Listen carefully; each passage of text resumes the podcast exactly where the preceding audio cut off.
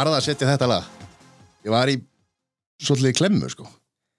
Ég var að hugsa um að setja Ding Dong Við þér og Pétri Eða með naglbíturinn Da da da.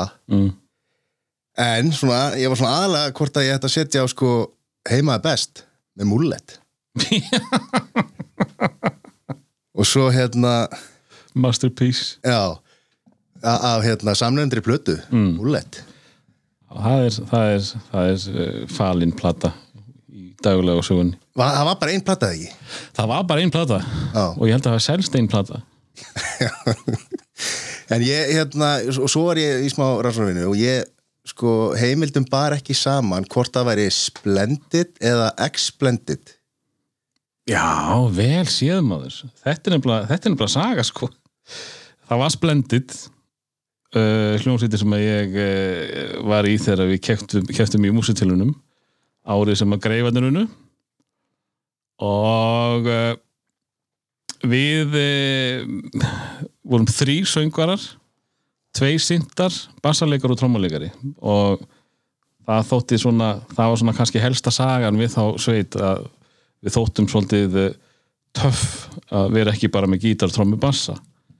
En hérna við komumst náttúrulega ekkert upp úr riðlunum við höfum aldrei æft öll saman eða neitt sko, þetta var svona eins og sagan er oftast með þegar krakkar er að taka þátt í tónabæjar músitilunum að hérna þá er þetta stopnað bara í sumu viku og keppnin er haldin. En við sem sagt klárum það og svona tveim vikum síðar þá hérna þá sé ég auglýsingar í einhverju blaði það sem að Splendid er að spila í keisaranum með eitthvað að hjá hlemmi og Já, þeir virðulegast það. já, Sætla minni, það geggjaði staður. Það var. Frábær staður sko. En það voru ekki við. Það var það einhver önnur hljómsveit með sama nafn. Og ég ringdi alveg brjálaður og hóta að kæra þá ef þau myndi ekki skipta um nafn. Hvað er það gammal hana? 16 ára eða eitthvað. Með, og með löffræk bara á línunni. og þeir hérna sem sagt bættu þá við exi fyrir framann já, var einhver svona róna sveitabara hljómsveit sko. Já, ég held að þetta, hérna, hefði verið einhvers konar annarkort að þeir sem hefði verið að skrifa þetta hefði ekki verið, hérna, allskáðir eða að það hefði kannski komið einhver upplaust og, og hérna, menn fari í sikur áttina og þurfti að skipta um nafn og eitthvað svona. En hann að, og, hérna Splendid er, er undanfæri við ætlum að fara í, þegar við förum í, í æskuna í- á eftir, sko. En er ekki uh, já, já, ding dong mm. Er það ekki bara rip-off af, er, er það ekki bara remix af sko da-da-da og ding-dong-læginu? Da-da-ding-dong, er þetta da-da-da-ding-dong Nei, ég vil bara ég hugsa alltaf um ykkur þegar, þessi bylgja hérna, kom núna í, í sumar eða, eða vor hérna, þegar ég sé alltaf þetta já-já ding-dong, þá hugsa ég bara um ykkur Pétur sko. Já, ég var pínu hissa á því að það hafi ekki verið meira um það sko. Því það var að fyrsta sem ég dætti í hug. Það var bara, ég heyrði ekki þetta já, já, ég heyrði bara ding dong, ding dong, ding dong en uh, sko náttúrulega ding dong lagið er, er stólið og da da da er náttúrulega stólið líka. Þannig að uh, ég sé lítla sa, sko, hérna sammeilegt með þessum lögum sko, það er bara þetta sterkar nafn sem að Þannig að þú ert ekki að ringi í hérna þú ert ekki með löffræðingi sem þú varst með þetta Nei, Nú skiptuðu lag. Vitið af hverju hérna vitið af hverju þátturinn hétt ding dong Var það ekki út af hérna, einhverjum hérna dýrabjöllu var ekki Pétur að fara á stúana eins og að gera oft og, og dingla hjá fólki, var það ekki? það kom miklu síðar sko. Uh, munið eftir Dada Lárusinni markverðið FH í, í knaspirnu Já, hann var einhver vinur hans Pétur löngu ára hann að ég kynntist Pétri. Og að fara að gamna sér með konu það var sem sagt kátir leiki með dingdong Já, það var kynlíf þetta fannst Pétur voðalega fyndið þannig að við tókum dingdong það hér margir heldur þetta væri eitthvað sko við vorum að herma eftir hérna Steini Ármanni og, og þeim með Raddir. King Kong og, og hétur ekki King Kong og einhvað meira? Górillan já. Já, já. En uh, þetta var bara ríðið af staða Lárussonar. Markmanns. Og ljóstruðu því einhvern veginn upp í þáttunum? ég held það já. Þess vegna spurði ég hvort þið, annars hefði þið aldrei, aldrei geta að vita þetta frekar langsótt en uh, jú, ég held það að þetta hafi einhvern tíðan komið fram. Þegar að var akkurat ekkit í þættinum þá skelltu við þessin Já. Uh, Þú slítur baskórum í, í Njarvík rétt. Og hérna Ó, er ég komin getur betur? Rétt. Við höfum að ringja bjöllunni að hún svaraði ég er nefnilega alveg fáralega mikil njárvíkingur ég eh, bjó hana fyrir 30 árum, rúmlega. Og eh, sko ég nota bara grænan tampusta og menn ég reykti þá nota ég bara græna kveikjara og það er svona mér er græn ekki drosalega fallegu lítur en svona auka hluti sem að maður kaupir oft er alltaf grænt.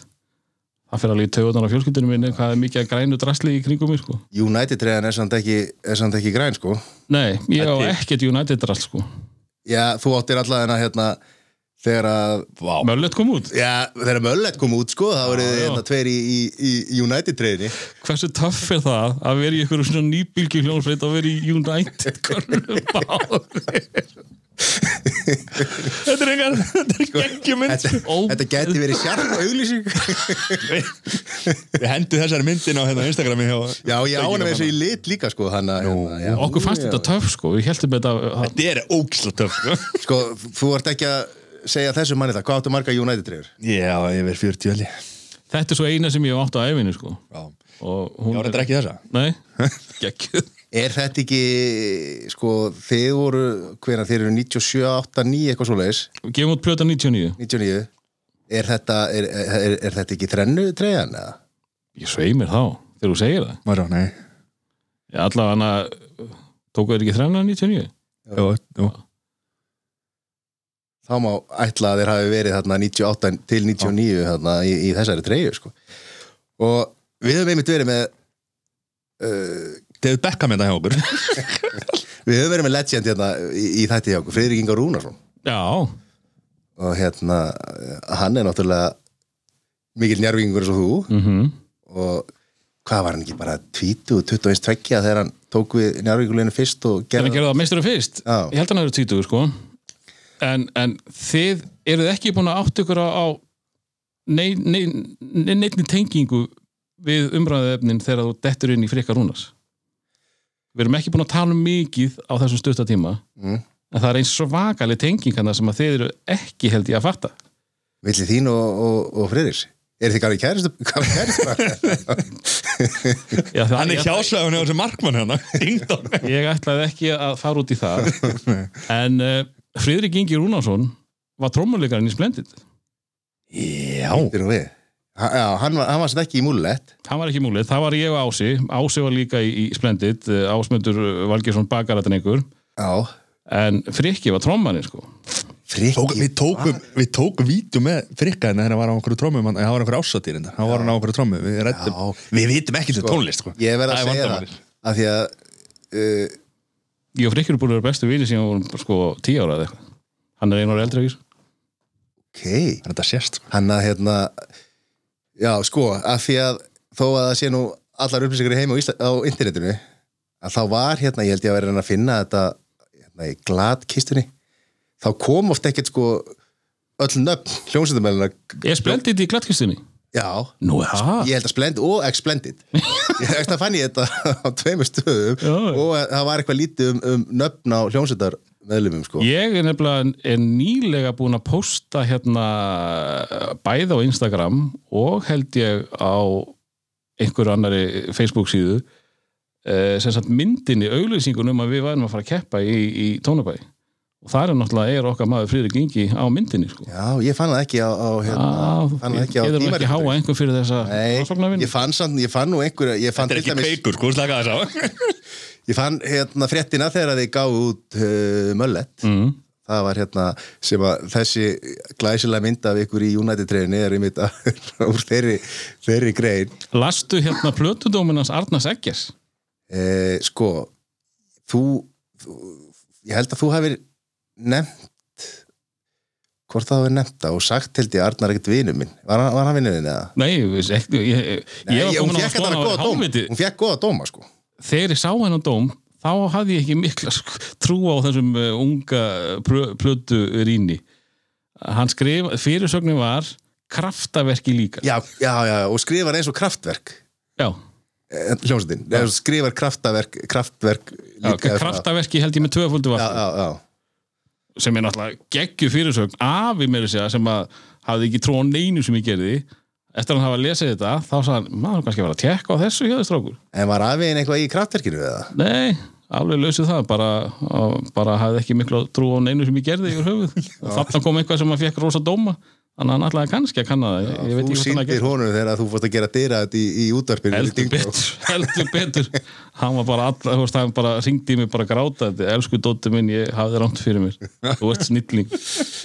Herri, eigum við þá að fara í, í Njarvíkina þegar við, við svo, hérna, eins og góðvinnin, Friðrik eh, tölum um áhrif kanans á, á ungt fólki í, á Suðunisjum mm -hmm. varðandi bara tónlist og, og Friðrik mitt var að tala um að hann fór stundum upp á völl og fekk náttúrulega þá skýtlega svo M&M og allt þetta einmitt. Varst, varst þú að hérna hvernig heldur að kanin hafi haft áhrif á, á því sem þá tónlistar unnanda og tónlistamann? ekki spurning, eh, kanin er vantarlega ástæð fyrir því að ég hata country. Bara ég get ekki hlustað á country af því að það var svo mikið country í kanonum uh, vantarlega líka ástæðan þess að ég var rosalega Jackson fan þegar ég var krakki. Fyrsta uppáðslæði mitt er, er Jackson hérna, Shake Your Body Down to the Ground fyrsta lagi sem að Jackson samdi. Og það var alveg í tröllakeislu á American Forces Radio. Uh, og svo allt þetta Journey shit, þú veist svona yðnaðarokkið það var rosalega leiðileg tónlist á kanonum en uh, maður náða að pikka út þú veist, Supertramp og eitthvað svona sem að heldur ennþá.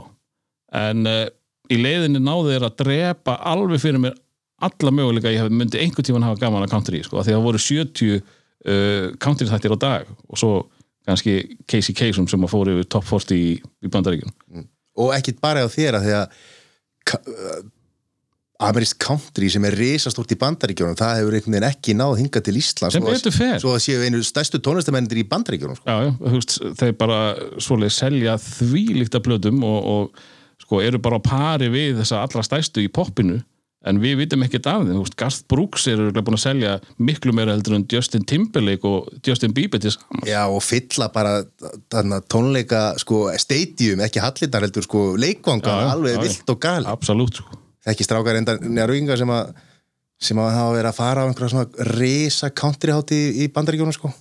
Og þetta er bara algjör sko risa dæmi Ég get- það hefur aldrei komið frétt á Íslandum þetta sko. Nei, ég get ekkert sagt að allir njárvíkingar séu frábærir. Þú greinlega þekkir einhverja sem að eru aðeins off, sko.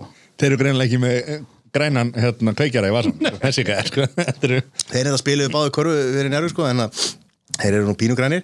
En Hefur alltaf verið svona fyrir tónlist er, Hvernig byrjaði tónlistar áhugin? um, hann kom vantarlega þegar mamma gaf mér ónýttu græðina sínar. Einn hátalari, uh, plötuspilari og svo gott ég náð kananum. Og þá, þá, þá var það vinnu minnin í herbyggi sko. þá gæti ég verið með það í gangi allan tíman svo fekk ég fullt af einhverjum gömlum og lélugum plötum frá frænda mínum. Þannig að það eiginlega tók mjög snemma eh, sko, áhugan frá Matchbox bílum og, og einhverju svolítið stóti sko. þannig að jú, það er mjög snemma sem að ég hef einhvern áhuga á, á, á músík en uh, síðan þegar ég femdist þá fór ég til Ítalíu og þar heyrði ég Blue Monday með New Order þá gerðist eitthvað í haustum á mér þá bara var ég klikkaður og eftir það kom stóla lítið annað en tónlist að í haustum á mér sko. en sporti, varst ekki í sportinu eða? þú vantarlega verið í korfu Jú, jú, ég uh, sko, ég er ég er öryrki, ég er fatlaður. Ég er með ónýta lappir og hef verið frá því ég fættist og ég fór í að fyrstu aðgerð þegar ég var 6 ára uh, aðra aðgerð 14 ára aftur eh, 25 ára. Það er bara, ég get ekki hlaupið ég get ekki hoppað og það er mjög erfitt ef þú ætlar að vera í, í, í hérna, íþróttum. Hvað, er þetta bara, hvað, löppin? Fyrir neðan ökla er ég bara með drast, það er bara virkar ekkert sko, þú veist uh, já, ég nenni ekki að fór út í það. En, en hérna, veist, ég eitti þremur sumurum á gifsi í, í, ba- á báðum löpum, veist, mjög gaman.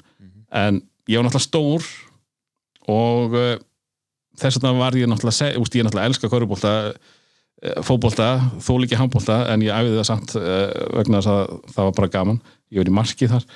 En ég var aldrei sko, ég er stór og ég er stæstur í mínum árgangi og ég var náttúrulega settur í sendirinn en sko aumar en anskotinn uh, gat ekki hoppað og vildi bara hlaupa í burtu þegar menn fóru að- að að- að slástu frákostu eða eitthvað svoleiðis.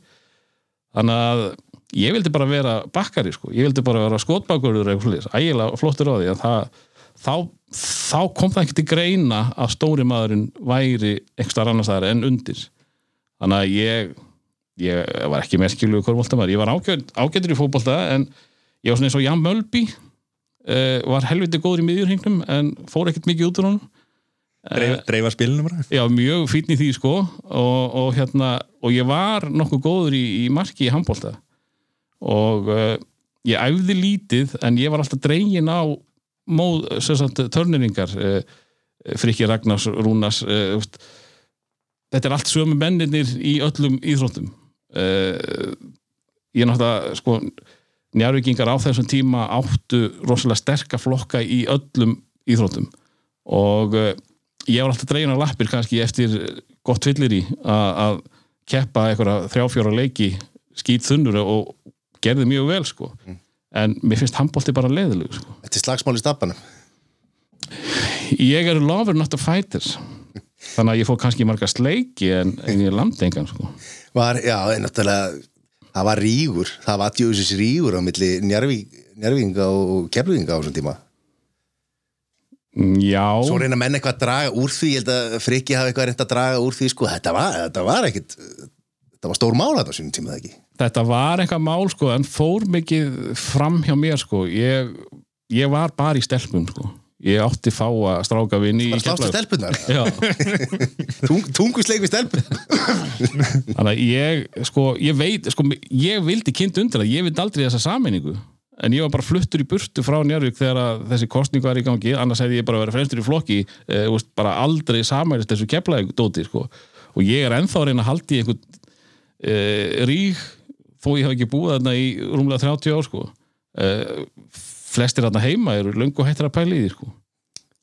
Já, já, það var einhver rígur þarna en hann var ekki að uh, ég var aldrei það mikill íþóttamæður að ég náði aldrei að vera aðal maðurinn í einhverjum uh, liðum.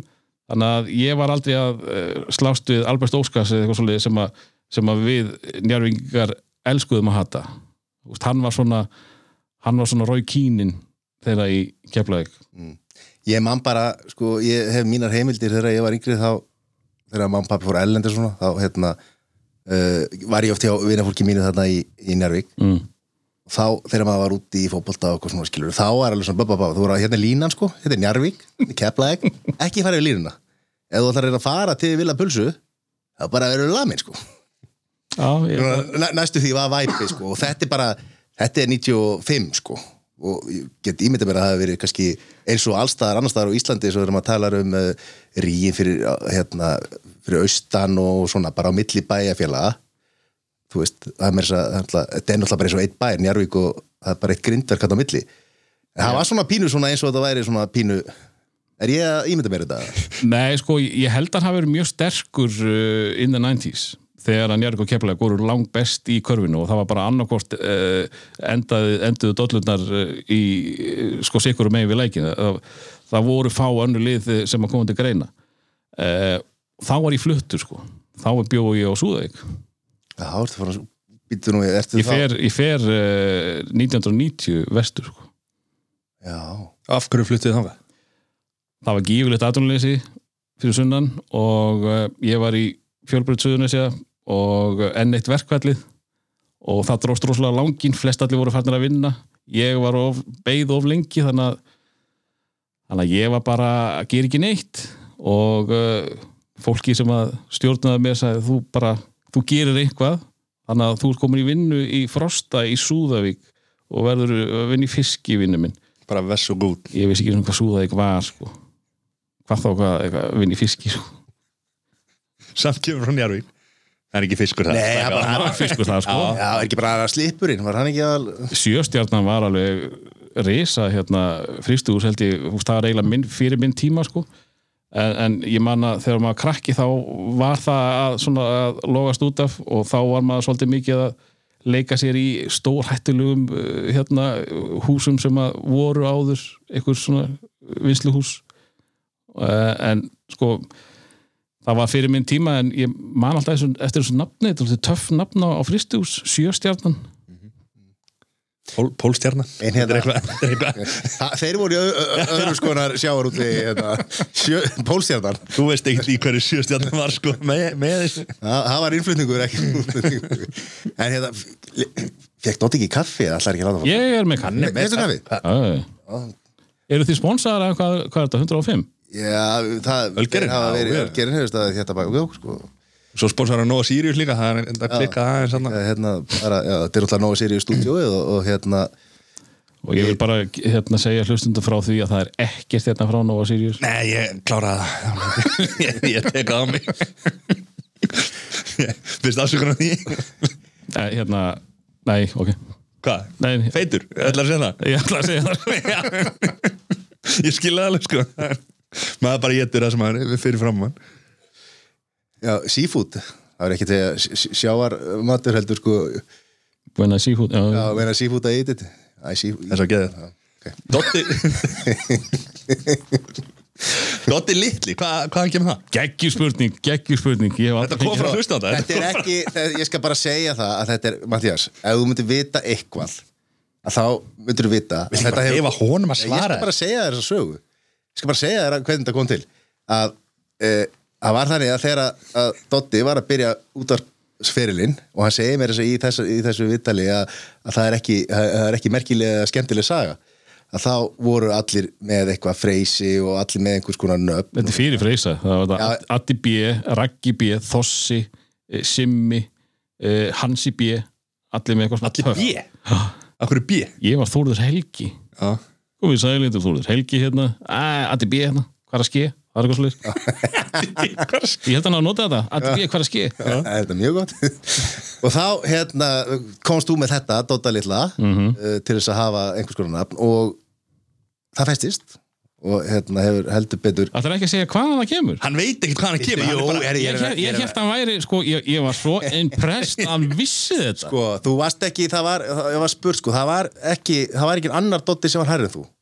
Þú varst ekki litli Dotti það, það man ég, ég er að rifja hérna upp einhver, einhverja grein sem ég, ég las. Ég er ekki þetta fyrir frá mig. Lélegt sko. Ha, ég, ég, ég þarf bara að finna þess að grein og segja hvernig það var. Byrjaði svo vel maður. Ég bara, ha, veit hann þetta maður, vel gert. Akkur er þetta farin Dóti, ekki fara. Býta, slaka á. Á ég þá að leifa þér að Já, segja svo okay. uh, sko allir eiga svona átrúðunagóð átrúðunagóð uh, á tímapunkti. Uh, úst, þegar að Björgvin Halldórsson eh, var hvað stæstur þegar hann var ungur brotnaði tönn þá bröðu krakkar í þessu tennu til að vera eins og hann. Mm við þekkjum Birgitu, það var fullt af litlum indjána stelpum út um allt. Hvaða annar litli í uh, sögunni? Gauði litli.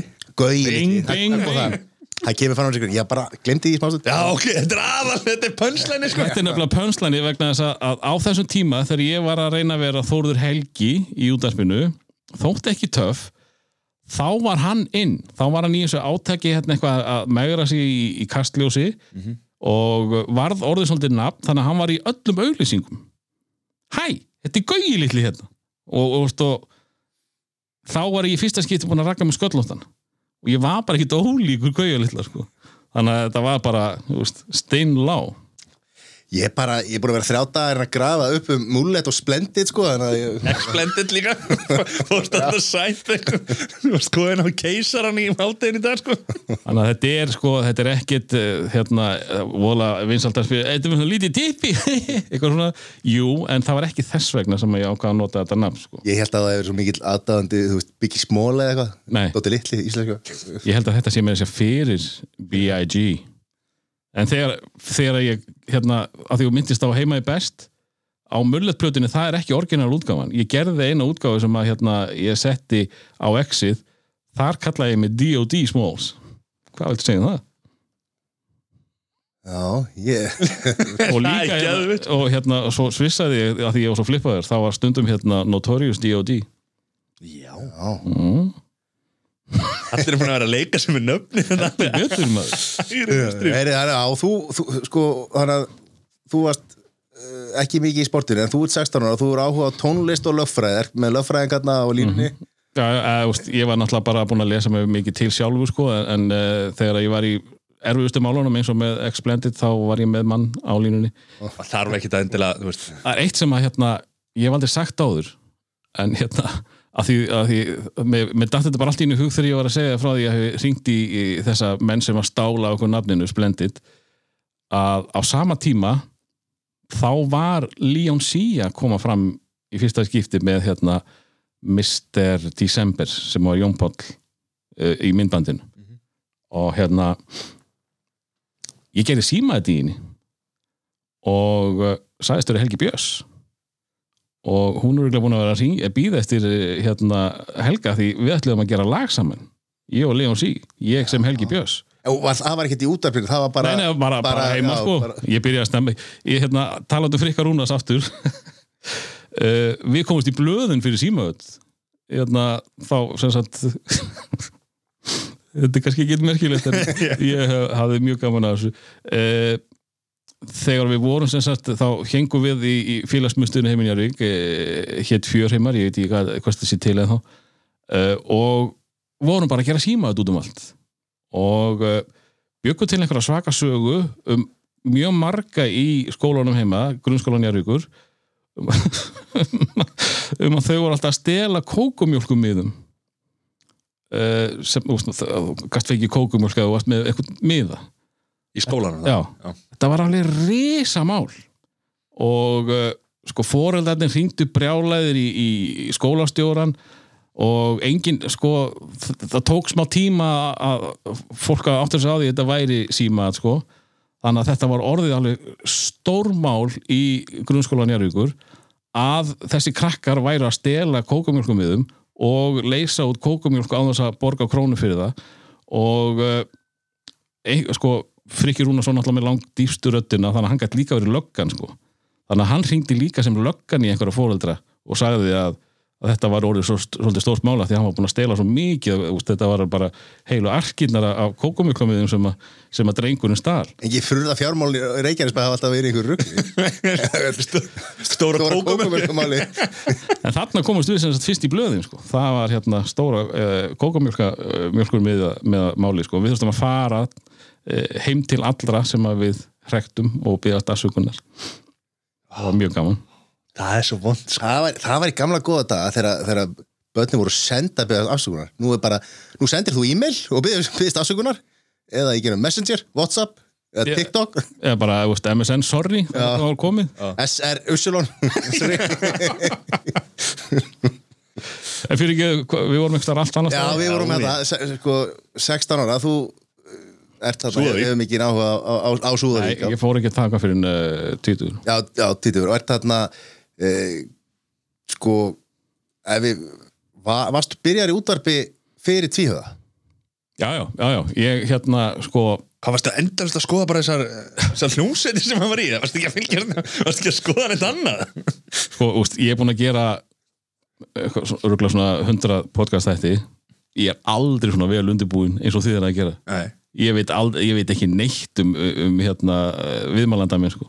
ég, læt, ég svona, uh, læt hann segja söguna án þess að ég hljómi mjög heimsku sko, en það er samt mjög Sæll, Þóruður hérna, hvað heiti þú vinnur? Talandi um það, eh, hann hérna Gói. Já. núna manni ekki eins og hvað hann heitir, heitir hann Davíð? Guðjón Davíð Karlsson eða Guðjón Davíðsson? Ja, Karlsson. Ég hérna nefndi hann vittlust þegar ég velkomin Guðjón Karl Í Jónsson. Grínlandinu eða? já, ég er bara búin að gleyma hvað hann hétt og ég, úst, og ég sko á leiðinni í upptökuna þá hérna, herru, ég er ekki alveg með þetta hreinu ég þarf að tjekka á þessu, ég glemdi að tjekka á því. Þannig ég man ekki hvað hann hétt þegar, já, gói blessaður, en verði ég ekki að kynna hann, jú, ég læt vaða og það var vittlust hann var ekki mjög ánægð með það.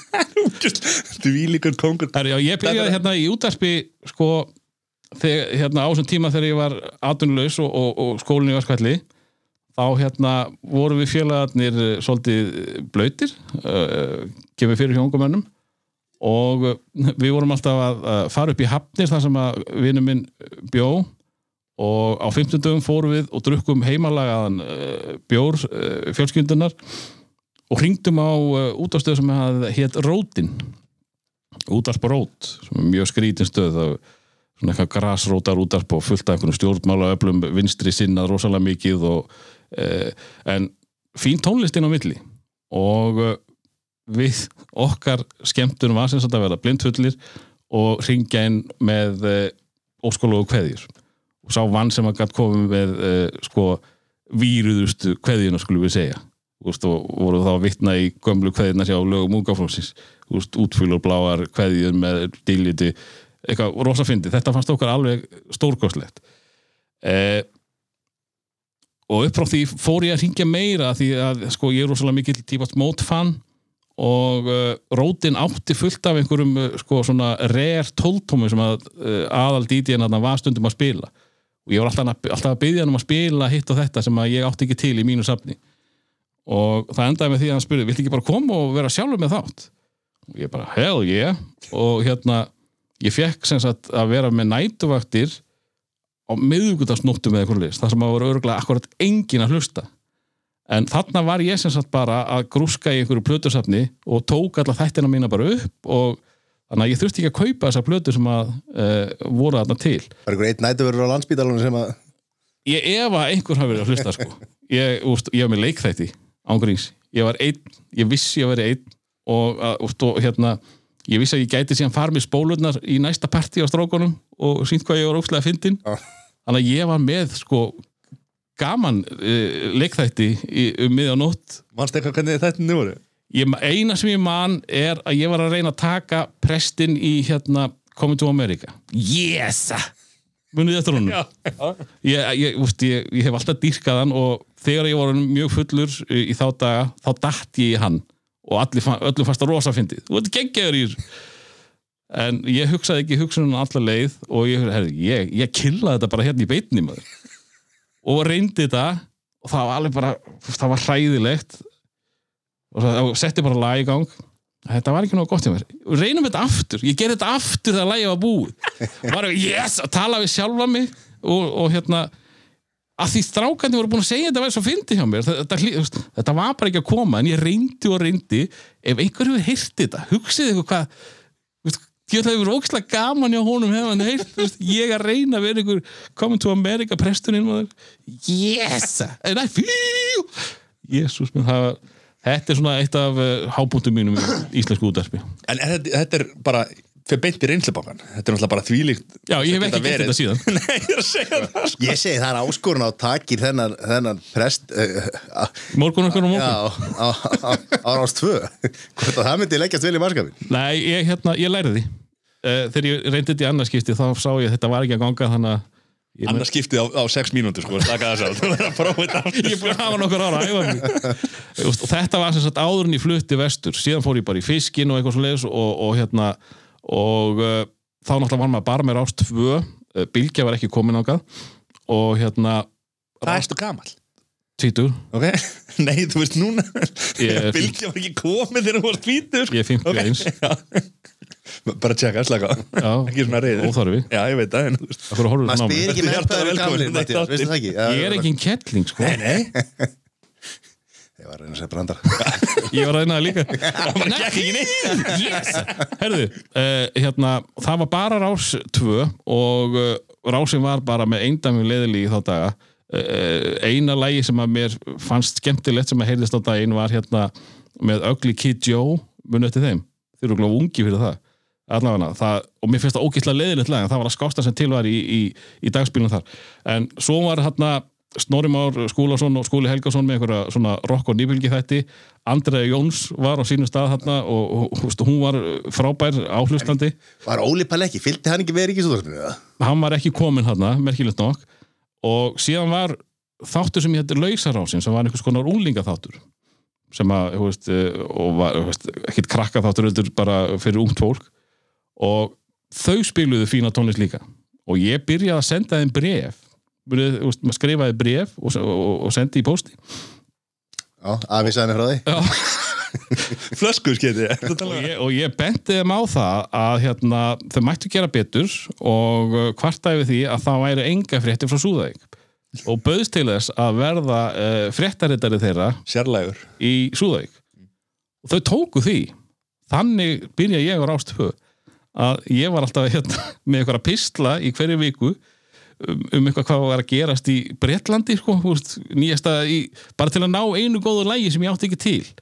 Þá hérna sem sagt höfðu þau fyrir því að finna rétta lægið og ég var með eitthvað að pisla um uh, það nýjasta í, í bransanum. Ég er náttúrulega fylst gífurlega vel með tónlist alveg bara sem ég var uh, 12-13 ára. Og hérna þar datt ég inn í, í, sagt rásar hlutverk og uh, einu sinni var ég fenginn hérna uh, sko, þegar lausarásin var að fara í sumafríð eitthvað svo leis þá fengum við að vera með hálftíma þátt uh, upptekinn á Ísafyrði og uh, þar fengum við sagt risaðuruna í viðtal, hún var að fara uh, koma fram hjá hérna mentarskólanum á Ísafyrði og þegar ég er mjög stressaður þá flissa ég. Og vinur minn, uh, þegar hann er stressaður þá geispar hann. Og við flissum og geispuðum út allt við vorum að tala við Dóru Monde sko, sem að var þvílík stjarnar fyrir mér sko. Það var langfrægasta manneski sem ég hef hitt og ég var að taka viðtal við hann það var alveg hræðilegt sko. en tæknimaðurinn þar, hann var svo hrifin að sko, tæk, blessaði tæknimaðurinn var bara búin að vera með pistla frá Ísafyrði þar sem að Finnbói Hermansson var allt bara ógislega þungt. En þarna var bara eitthvað smá líf uh, geispandi og flissandi menn. Þannig að þegar ég flutti til Ísafjörðar uh, nokkur síðar þá var hann fengið til að sjá um hérna uh, svona grunnskóla útvarp. Og hann fekk í að kenna krokkunum á útvarp eins mikið frábær hugmynd það er. En þar sem sagt þar fæ ég fyrst borga fyrir að vera í útvarpi. Og upp frá því þá hérna að því að bylgjan var ekki komin eh, nokkur eru ofurhugar á, á Ísafyrði þeir sem sagt eh, þegar að stöð 2, hún kom á undan bylgjunni eh, vestur, þegar stöð 2 var sem sagt í loftinu eh, þá hérna eh, þess að stöð 2 var ekki í loftinu þá var bylgjan í gangi veist, eða varst með kveikt á sjónvarpinu.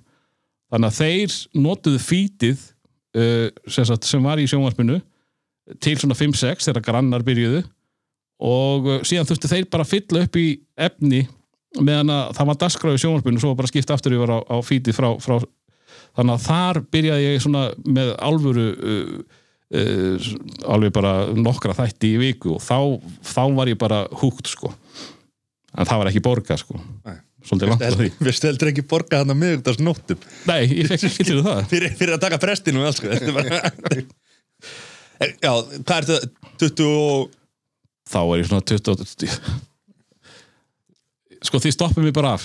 Já, ég er alltaf að fá okkar hugmyndir hérna. Nei, bara halda áfram, er bara með þetta? er bara að því, þú veist, að því ég man það ég á 23 þess að dóttir mín fættist að hérna ég er e, með þátt þarna á Ísefjörðarbylginu eins og það var kallað.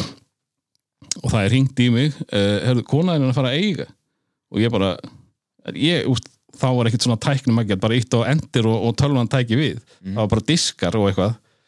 Þannig að ég, ja, komið sæl hérna, konan mín er að eiga ég þarf að fara hérna en uh, skulum bara fá þetta lag og vonandi kemur einhver þegar lagið er búið og svo bara bum, farin ég, ekki, ég man ekkert hvort einhver hafa komið og redda þessu sko, eða hvort það hafa verið þögn í langan tíma sko. Akkur mátti ekki bara möllettiskurinn ganga?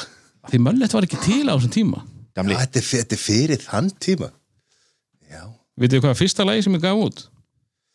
Uh, uh, Splendid kemur undan möllet Splendid gaf aldrei neitt út sko. Þarna, þar er ég bara 16 ára sko.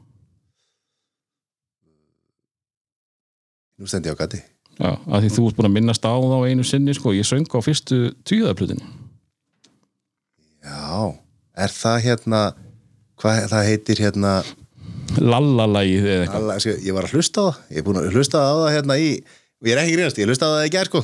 Þannig að hérna það var sem sagt hérna þá var ég að tekna þá og þeir voru alltaf með dagskrálið það var sem sagt litla lagið okkar. Lag sem þeir sömdu og sungu live. Mhm. Þú veist, þeir bara byggu til lagið um leið og var, var til. Og eitt lagi, mér fannst eitt lagi svo ógeðslega gott að ég ákvaða að búa til svona bylgjuútgáði, svona, þú veist, píano og eitthvað svona ósaglega glatað og uh, þeim fannst það að fyndi að þeir hendu því á, á fyrstu plötuna til hamingi það sló ég í gegn. En kemur tengingin, af hverju byrjar ég á tíða?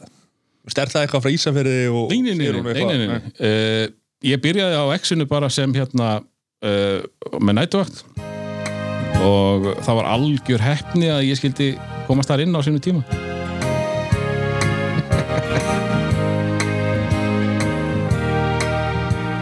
tæknimarinn að standa sig. Það er rosa flott í honum. Veistu, Ég er að hlusta á rólegt og romantíst morgun. Er í þessa rödd. Og þá fór ég á fæt Ég er ekki ekkur bylgjan hafi ekki pikkað þetta smó. Það maður spila það lengi þangað til að tvíhauði sendi mér. Reikning komi sko. En hérna, upp með veskið. uh, ég var alltaf að ringi Simma. Hann var sem sagt dagskrástjóri X-ins og hérna, eh, ekki, hérna pláss fyrir mig eitthvað svo og sendið þeim einhverjar spólur frá rótinni að vísa ekki prestinn en uh, hann var búinn að hlusta á það og fannst það hræðilegt. Og, og hérna hann var ekkert á leiðin að fara að gefa mér einhvern séns. Nema ég ringi akkurat á, á, á réttum tíma, þá var ársóttíð hjá, hjá fyrirtækinu og það var enginn til að taka nætuvættina, ekki, ekki nokkuð sála. Og þannig að hann neyðist til að gefa mér séns. Og sagði við mig sko skömmu síðar að hérna eftir að hlusta á þessar spólur þínar þá var ég með með það á reynu að ég myndi aldrei ráða þig sko. En uh, ég bara varð að fá einhver til þess að manna þessa nætu og þannig að því það var allir fullir og eitthvað úst, leikst út úr bænum. Það var ekki sem sagt í Reykjavík. Þar sem sagt náði ég að sneika mig inn. Já, var þetta þegar Simmi var okkari? Var þetta á hann að var viljur fréttamaður eða? Simmi var nefnilega eh, sko, hvað sim er þetta? Simmi Kastljósunu, Simmi San.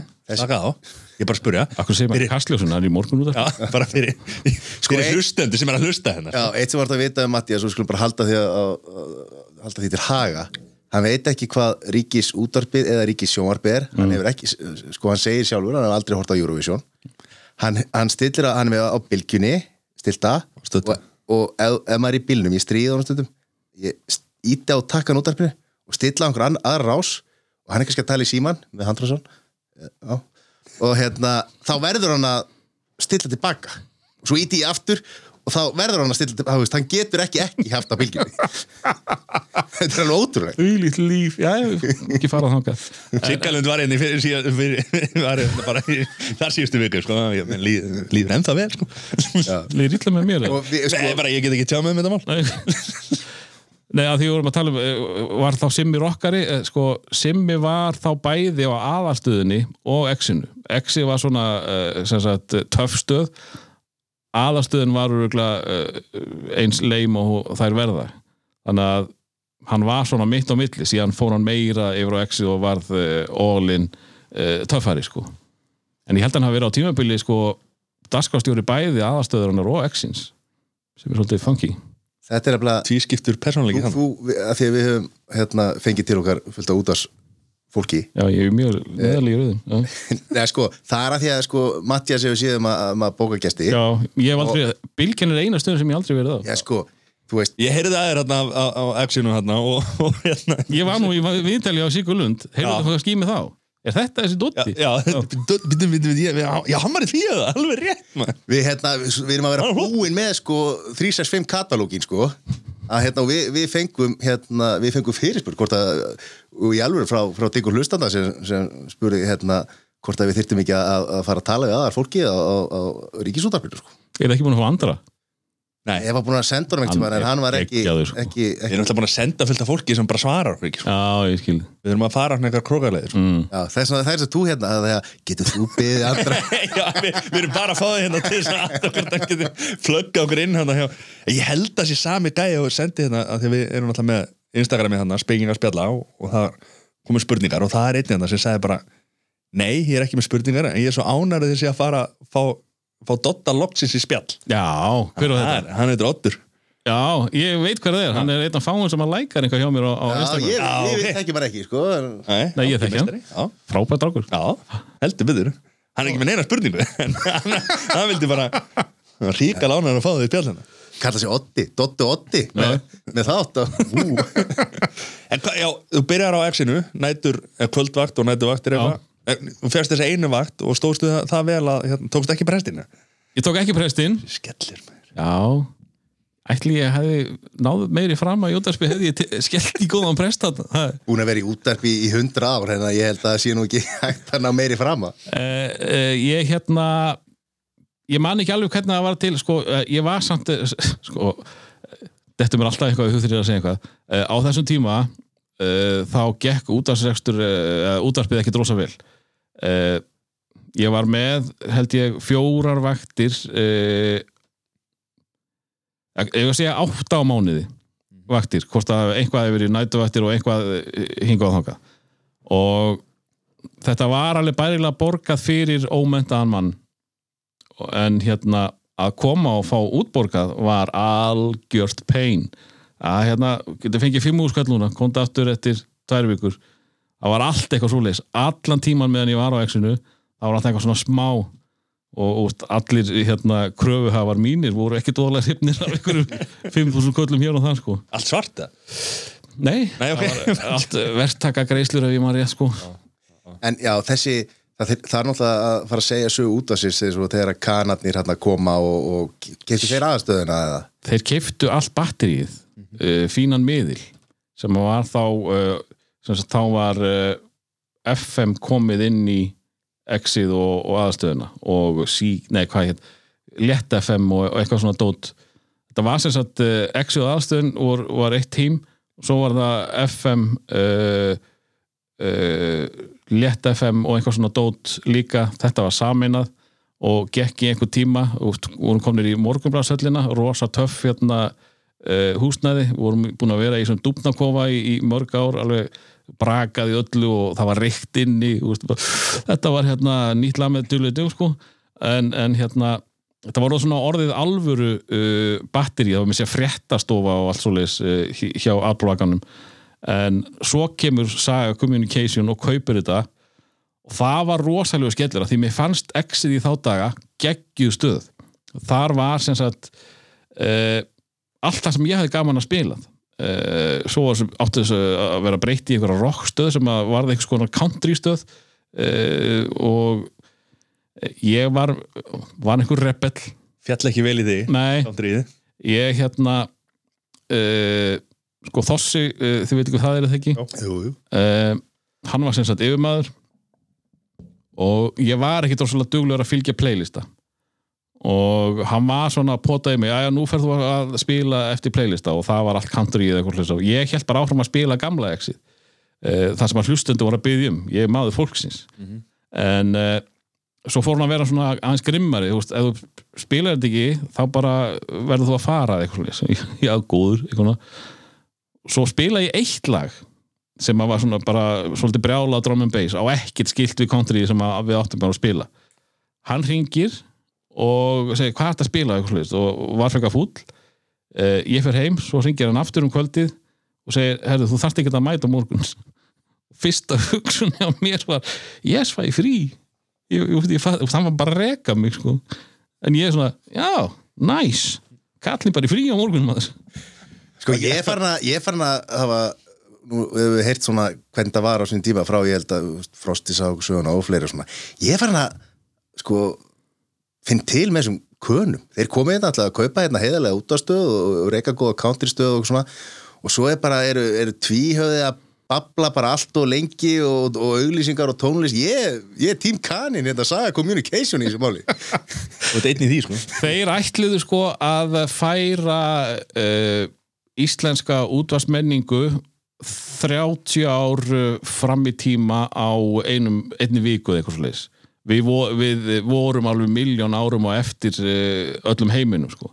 Veist, það var allir löngu konir í tölvu og það var miklu strangari playlistar uh, eins og bílginu viðinni veist, þar, þar er maðurinn í útvarsmennu ekkert að spila neitt fyrir sig, þetta er allt bara á tölvunni sko. En, en En það er, er líka að spila fyrir mig sko. Hlustandann, Ekki fyrir sig sem útastmanni sko.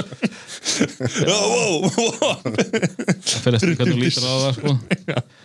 en uh, já, þú, þú ert alveg til í að heyra 20 lögum Eagles á hverjum degi Já, Hotel California mann, er það ekki íkvölds allt í Ég góð, allt í góð en, en sko það, það var kannski full mikið á, á, á svona skömmun tíma sko, og hérna svona hérna, vinnur Pétur finnasti maður Íslands og þá var ég komin yfir á Mono sem að var svona svar uh, íslenska útastfélagsinn sem að nú er stöð 2 ykkar maður, Okkar maður. Já, að hérna ég var að vinna þar og það var svolítið vilt stöð framan af. Svo var hún svona tekin og, og búið til svona saga communication uh, format á hana. Og ég var alveg að drepast í öllu þessu hérna, Jennifer Lopez og Ja Rule shiti sko. Að hérna heyri ég að uh, Jón uh, Ólafs ekki einn góði var búinn að kaupa tvíhöða. Og uh, þá átti að svara að stopna nýja stöð bara það sem að tvíhöðu myndi bara gera sem þeir vildu. Ég sagði bara við mónofólkið, mónolítana eins og við köllum það að hérna ég, er, ég fer þangað, þá er ég náttúrulega búin að vera að tækna þá í mörg ár og, og hérna, þið spurðið af hverju ég hef verið, hérna, verið með tvíhöða á sínum tíma? Það nefndi því engin annar.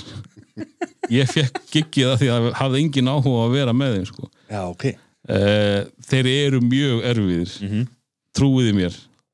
Ég, sko, þeir hafa mjög gaman að því að láta það líti út fyrir að, ég sé rosalega vondu baður uh, við hlustendur og kenna mér um allt. Og það er rosa gaman og ég fæ alveg rosalega mikið fít frá brjáluðum tvíhjöða hlustendum hvað ég er mikill astni og eitthvað leis þeim finnst þetta óða að fyndi sko ekki mér. En, en hérna sem sagt og svo byrjaði bara eitthvað stríð á milli hérna radio sem var sem sagt stöðin sem að tvíhjöða ætlaði að opna og uh, hérna uh, Saga Communication um Pétur. Að hérna sko ba báðir aðalega að reyna að fá hann, fá hann inn sko. Pétur náttúrulega vildi bara vera hjá tvíhjöða en hann mætti á, á fundina hjá hvað var það, CJ Jones. Ég er búin að heyra söguna svo oft ég, bara, ég man ekki nú vel til að geta sagt ykkur þarna en þeir voru alltaf að bjóða honum I hear 5,000 crowns Peter. I know it's rough at home right now. What do you say about 5,000 crowns right in the pocket right now? Eitthvað svona, veist, það var fyrir að reyna að kaupa hann með veist, reysa fjárhæðar hann í bóði, sko þannig að hann, hann fór yfir og Pétur segir, ég man ekki eftir því Pétur segir að ég hef bara komið upp á hann þegar var búið að segja að ég og Pétur ættum, að- ég, ég þekkt hann ekki neitt sko, að við ættum að vera sagt, með þátt saman og ég ætti aðeins bara að vera teknimar hans. Hann segir að ég hef komið til þess að sagt, mér veist þú ekkert fyndin ég man ekki eftir því sko. En þú veist, sagan er góð. Já, aldrei eða ekki góða sögum sko. En, en var það þá þegar sko, kemur hans steinar ekki á eftir þér? ætli hann ekki fyllt með tvíða ég held að hann, sé hafi verið á exinu sko Já. ég man ekki alveg, húst, þetta er einhverju dagar bara sko, húst, ég held að ég hef ekki verið fengin yfir fyrir en að, að það var komið hlutverk fyrir mig sko, að vera uh, með Pétur í læri og það var mjög spennandi vegna þess að fyrstu dingdong þættirnir munuð eftir þeim Já, sko, býtum við, hvað, hvað ár, ég man eftir, er það, hlustaði allir við fyrsti þátturinn var 20. og 8. janúar árið 2000 Já, það var í 15 ára og þar uh, fyrstu vikurnar voru allar innkomur hálftími eða eitthvað svo leiðis og eh, Pétur stjórnaði þættinum og hann var að bóka hestanuttara og tala við hestanuttara í kannski klukkutíma honum fannst geggjað að fá til sín hérna mann sem býtir uh, kúlulegur. Klukkutíma viðtalið hann uh, spámiðl á einhver svo leiðis sem að, uh, veist, ég veit ekki af hverju við fengum að vera í loftinu því þetta er hræðilegt sko. Vorum, þetta var, tempóið var alveg hræðilegt. Hann vissi eiginlega ekkit veist, og ég var mestalagi já og neikall sko. ég var eiginlega ekki með, þetta var bara hann að tala við mjög óspennandi fólk. Hestanutana í veist, hvað eh, kannski þú veist, rosalegur hesta áhuga maður en, en bara fyrir venjulegt fólk að hlusta á einhvern mann tala við hestanutara í, í hálftíma. Já, var þetta unnust eins? Nei, hún nuttaði öðruvísi. Nei, þetta var mjög skrítin kona sem að, þetta var allt mjög skríti fólk sem að Pétur fekk í, í viðtal sko. uh, ég held að hafi verið ég frekar en tvíhöðu sem ákvað veist, uh, ég tek þennan þátt yfir. Uh, ég stjórna þessu þætti. Pétur bara heldur áfram að vera fyndin og hann er geggjaður í því.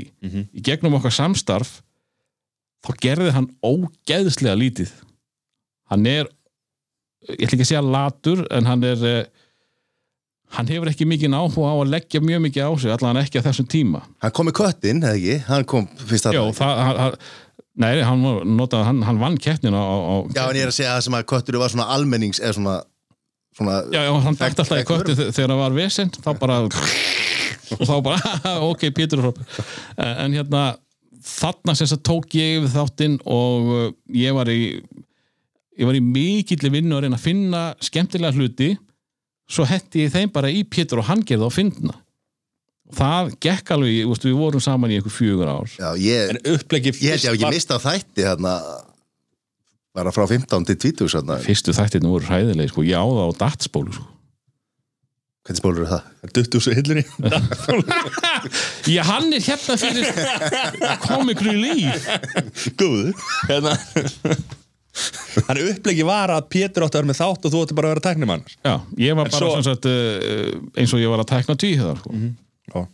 uh, og, og var kannski svona buffer fyrir hann það því hann var einn, tvíhjöður voru tveir og þurfti ekki á hjálpa að halda en ég átti ekki að vera neitt með í þættinum ég átti ekki að stjórna neina, þetta var bara hans þáttur En þið voru að gera Já, þið voru að gera alls konar símaðut og sko ég man ekki, þetta er nóra svolítið langt síðan sko að það, hvernig var þessi tími uh, á þessu útvarstímibili þú ert með Freysa og svo ertu með hérna Barða, Ólafur Dagsins. Freysi kemur, kemur ekkert strax. Freysi er ekki fyrir að við förum aftur á axi Já, en ég er að segja á þessu tímabili svona segjum bara þá frá 2000 til 2000 og svona kannski 8-9 mm. Þetta var alltaf hana útvarp heldur en er í dag. Miklu viltara maður. Þetta, þetta er sko veist, ég veit ekki hvort það er útastáttur í dag það sem að það er einhver, einhver maður sem þið barðið og kalla sig Ólafur og er alltaf Ólafur! og ringi Ólaf Dagsins og, og eitthvað svona sko Þetta, dagsins og ég, ég skildi ekki alveg vinsældir Ólaf sko. Ég, Það ekki? Nei, mér fannst þetta, þetta var of súst fyrir mig. Og svo kom hérna Hugleikur Dagsson og ætlaði að súra yfir sig af því hann ætlaði að vera súrasti veist, þetta var tvíhöfði. Svo kom hérna, hann Hansi uh, með Bragðarefin sem var eitthvað tvei tíma bara tónlist að þetta uh, Ólafur var hérna líka og við vorum síðdeis áttur frá þrjú til sjö eða eitthvað svo leiðis og svo kom hérna, Hugleikur Dagsson. Og þetta er allt rosalega súrt. Ég skil ekki ekkur að þetta fekk að hlustun yfir höfuð. Tvíðan náttúrulega Legends. Uh, hann sem var bara með venjulegan uh, uh, tónlista þátt nema að hann fann einhverja pressu vegna þess að það var allir svo rosa fyndnir að hann vildi vera með og hann var með einhverja dagskráliði úst, veðrið í Kólimbíu og, og eitthvað svona. Það var eitthvað mjög súrt. Eh, þetta var rosalega súr stöð og tónlistin var ekki mjög skemmtileg. Þetta var eiginlega ex tónlist nema bara country ég var eldra. Var, þetta var bara svona gamla góða yðnaðarokkið á, á kanonum ef ég, ég maður rétt. Uh, og ég man, einstaklega kom Happy Mondays og ég held bara, hei, það er lag sem ég er gaman að." en, en hérna ég man að vísu ekkit af daskalögunum hans hugleiks en ég man ég gæti ekki hlusta á það sko hann ætlaði að vera, hann ætlaði að fokkin vinna þessa keppni og hann gerði það, veist, hann var súrasti hann er öruglega súrasti útastmaður Íslands sögunar og, úst, og það var öruglega markmiði hún sko. og svo líka bara því að þú hérna er búin að lifa þessa, þessa tíma sko eins og hérna Steitnárma sagði okkur þegar þeir voru í útvarpinu hérna reyndar er það eins fyrr kannski hvað er það 95 kannski mm. Steitnárma sagði okkur hérna í sem var fyrsti þáttur fyrir næst í 100 þáttur síðan að þegar það voru að gera eitthvað díla og eitthvað svona og voru ósátti við eitthvað þá bara raunuðu þeir yfir menn og fyrirtæki alveg vilt og gali og hótið því bara. Herri, ég þarf að afslátt hérna, ef ég fæ ekki afslátt að það er raunir í útvarpinu. Og drullu bara í og sem, svo, þú steli þetta bara að vaða sko. Já, ok. Fenni ekki afslætti eða sponsi eða þá bara herri, þetta hérna þú veist, hjálpara verstaði hérna á, á, á Súðavík sko, þetta er eitthvað leilægast að hjálpara verstaði Steini er náttúrulega með stóran punkt sko. ég, ég og Pétur höfum aldrei þórað að gera nokkuð skapa hluti þess átt ég var á smá díl hjá hérna Brim, Billabong, muni eftir því? Já, uh, hann var alltaf hérna, hendi í mig fötum og hérna ég, ég var með íþróttaþátt á Móno ég manu ekki hvað hann hétt með eh, Svenna Vóge sem var þá nýlega búin að vinna finnastmaður Íslands fyrsta uh, finnastmaður Íslands. Hann mætti ekki drosa vel að því hann var duglegur að fá sér og var alltaf að skemmta þetta var lögutarsmornum hann var það góður að fá sér að hann er í dag held í kennar í bjórskólanum sko. og sem að vil já, uh, ég var fyrst í svona makkerina sem hann vil og hann, það tók hann ekki langan tíma að fá Nike spons Simma? Nei. Simma er náttúrulega alveg sko. og, og við vorum hérna með eitthvað skýta hérna, sportþátt á Mono með enga hlustun en við fengum alveg ógeðslega mikið að nækfötum sem ég gekk í mörg ár sko. Hann er sölumæður, hann, hann, er- hefur nú líka komið til okkar svo við tölum við það að hérna, við slóumst einu sinni Nú, já, heyrðu hann er nú ekki ætla þú að segja þá sögu líka? Þú ert með alla sögurnar á hreinu nema pönsleinin hann, eh, ég, vil fá að heyra þetta. Ég, hérna, því að hann er nú hraustur hann Simmi. Já, ég sem betur fyrir var að það fullur að, að, hérna, að annars hefði hann bara stútað mér sko. uh, uh, þegar við vorum að reyna að kynna mónostöðuna rétt á hann fór á hausinn þá fórum við hinga á þangað um landið og vorum með einhverjar skemmtanir og ég var eitthvað DJ og eitthvað svo leiðis og uh, við vorum á höfni hotna fyrir því og, hérna ég vil ekki vera kallaður snoppaður ég, ég var vist kallaður Dotti Snopp í Njarvík á þess að ég, sko, behind my back við fengum spurningu, það var eins og sem þú voru að spura vildi að þú myndir spura út í Dota Snob Í álurunni? Í álurunni? Er það Simmi sem að skrifa það? það var reyndar ekki Simmi Nei, En það, það, Ég er algjört anti-snob sko. Ég, sko, ég er hérna í fötum úr hérna sportdirekt og það er mín sko, helsta búð að því hún er ódýr þeir tók við- ég við við ég, Það fikk ég frí en, en sko, að vera mikið mynd sko, þetta, hérna, hérna, er þetta ekki jakkafötur Kormákur skildi það? sko þetta er eins og Puma-merki þetta, he, þetta heitir eitthvað annað Lacoste eða, nei, það er, það er dýrstmerki er þetta ekki þetta slashingar eða? Jú, þetta er já. Gekka. þetta er svona gerfi púma en sko það var einmitt hérna ég var eitthvað að tala um hvað Simmi var í snobbaðar því hann var alltaf með rándýr úr og bara ógisla flottur á því, hefur alltaf verið. Uh, og hann eitthvað nei þú, þú ert alltaf í Nike. Ditt sem hann bjóð til fyrir mig fekk veist, fullt af fríu dóti og ég var brjála, ég vil ekki vera kallað snobbaður, að ég er ekki fucking snobbaður, saman hvað þessi hvað sem spurði þarna. Og þetta sem sagt eh, varð að sko, við vorum báðið pissfulli sko, áttum við að stjórna ykkur hérna, mónokvöldi og Svenni Vogi hérna, kom á mill okkar sko sem var til þess að ég var ekki lamin í spaða því ég hef aldrei átt mög ég er starri en sem mig en hann er sko örgulega 7000% meiri vöðumassi heldur en Já, ég sko. kemur fraustustu fjölskyldur landsins sko. Nákvæmlega. En uh, sko það er bæði Svenna Voge að þakka og uh, mikill ölfun Simma að, ég er hér að tala við ykkur í dag sko. en það endaði sem sagt með því að við vorum konir í alvöru handa lögmál sko. og ykkur bakherbyggi hérna á getur Sindrabæri eða eitthvað sem- sem er svona hérna, aðal skemmtistæðurinn og höfnaði var þá Í dag myndi maður sjá þetta á Snapchat eða eitthvað Já, sko já, já. hérna- Svenni Voga hefði verið að stoppa okkur hann hefði bara verið að taka myndaður Og hvað var ekki sveppi krull hérna, labba hringin og þið blind, blind fullir ekki fyrir þetta að fara á hausin, þetta hérna. Sve, hérna, ég var komin yfir á, á hérna, uh, radio þegar Sveppi datt inn sko. Já. Já, uh, þetta, úst, þetta er mjög, ég held að Móna hafi bara lifað í rúmlega árið eitthvað svoleið sko. En hérna, úst, eins og uh, Sveppi kom náttúrulega til minn í Grínlandi og, hérna þegar hann sko fór á stað þá var allt í gangi á Mónu og nú úst, þetta svaka plögg, þetta er eitthvað simma dæmi, mm -hmm. labbar hringin og stöðum að fara á hausin og hann kláraði hring Já, sem ég veist alveg já Sve- Sveppi kom, hefur líka komið til okkar og veitna, var einmitt sagðið einmitt þessa sögu hvernig það var hann að lappa hringin og hann að enda einhver staðar og svo bara allt í henni hætti símir að ringja og eitthvað síðust staðar og hafi sér ekkert bara átt að enda einhver staðar að fjóða eða eitthvað. Já, eitthvað svaka veistla og, sko, það byrjaði með því að það var svo grillveislur og eitthvað svona svaka húlumægi, hvers getur sem að lendi í einhverjum hérna eh, kaupstað. Það má svona ekki það má smá- ekki tala illa um þess að kaupstæði þá fer allt, allt ég nefndi engan á nafn. En svo svona smá saman var bara ekki neitt og, og sko síðustu bæinn sem hann lappaði, úst, það bara vissi enginn á hann og hann bara röldi bara einn og einn Svo kláraði hann ég er þetta komin í bæinn. So fucking hver er þú? Hvaða krullur er að labba hérna fram í okkur? Þetta var mjög, mjög skrítin tími sko. en það, veist, það var líka svo gaman hérna. Sko það er, það er rosalega lítið bröður í dag. Það, það, það er illa borgað og, og, veist, og það, var mikið bröður þarna. Eh, þegar radio er að byrja þá vorum við Pétur á launum í einhverja fjóra-fimm mánuði að und, ég er að gera gæsalappir að undibúa þáttinn við bara mættum í, í þrjáfóra mánuði e, inn á skrifstofu til Jóns og Sigur Jóns þetta var eitthvað hérna líka, ég var ekki orðin ég var ekki nóg sterkur í lögfræðinni þarna en hérna, þeir mátti ekki verið í loftinu út af því að þeir voru að koma frá hinnu fyrirtækinu. Við vorum sem sagt bara í vinnu í 8 klukkutíma að hlæja af þeim þá sérstaklega Jón Gnar sko. Og Jón Gnar og Pétur Jóhann í, í sko grín keppni ég bara meig og skeit og ældi á mig þetta bara í fjóra mánuði. Hugsaðu ykkur vinnuna, ég fekk borga fyrir þetta sko. Þetta er draum að vinna. Þetta var ekki mjög erfiðu tími sko.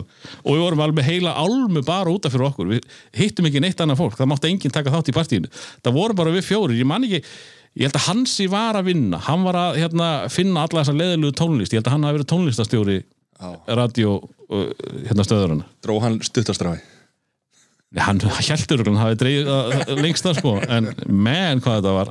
Fýtt tími sko, úst, svo komum við einstaka sinnum uh, ég og Pétur, að hvað er við að gera? Úst, það er oft sem við setjumst niður og ætlum heldur betur að fara að undirbúa eitthvað sérstætt, búa til að danskarlið eitthvað slis og núna mann ég bara eftir einu sem að Pétur kom með sko að borðinu. Það var hérna, það er ég með hugmynd. Hvaða helvítis búið þá var það bara eitthvað sem að hérna, hann vildi bara gera dagskrálið sem að væri bara hvaða helvítis hvað átt að gera eða þetta var bara, úst, ég fekk hugmynd hvaða helvítis úst, svo var ekkert neitt meira en það notum við hvaða helvítis ansi mikið eftir það sko. En það var úst, það var mjög erfitt að setjast niður með honum og búa hann til. En svo það er bara, ok, við erum byrjaði núna þá kom snildin sko.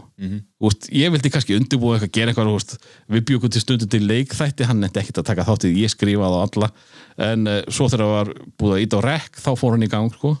Og úst, öll þessi atriði hérna, út að gera þetta, út að grilla í Íslendingum, út að uh, klifra í Íslendingum endalast eitthvað algjöru rugli út að greiða götur, hann mætti að mig göt, hérna, greiðu og út að greiða reikninga, þá fór hann í einhver hérna, útibúa og, og fór með eh, greiðu og reikninga fyrir framann gælkerna, alls konar Lilla útsvarpið af því þetta var hann. Já.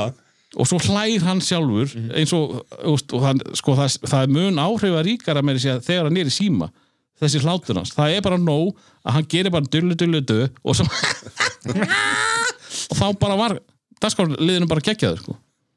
trekk í trekk notaði þetta úst, og út hérna, fór, það var dagskáliðin sem var mjög hrifin af og, og notaði mjög oft. Það var að hérna, fara út með póka og hitta fólk. Heru, nú voru þú bara að taka póka þetta fannst okkur ógeðslega fyndið sko. Bara, e, e, auðlahúmor í alveg en- absolutt en virkar, og, sko. og grunnlöst fólk bara póka, hvað minnur þið? Já, bara að taka póka en ég er ekki ánað með þetta.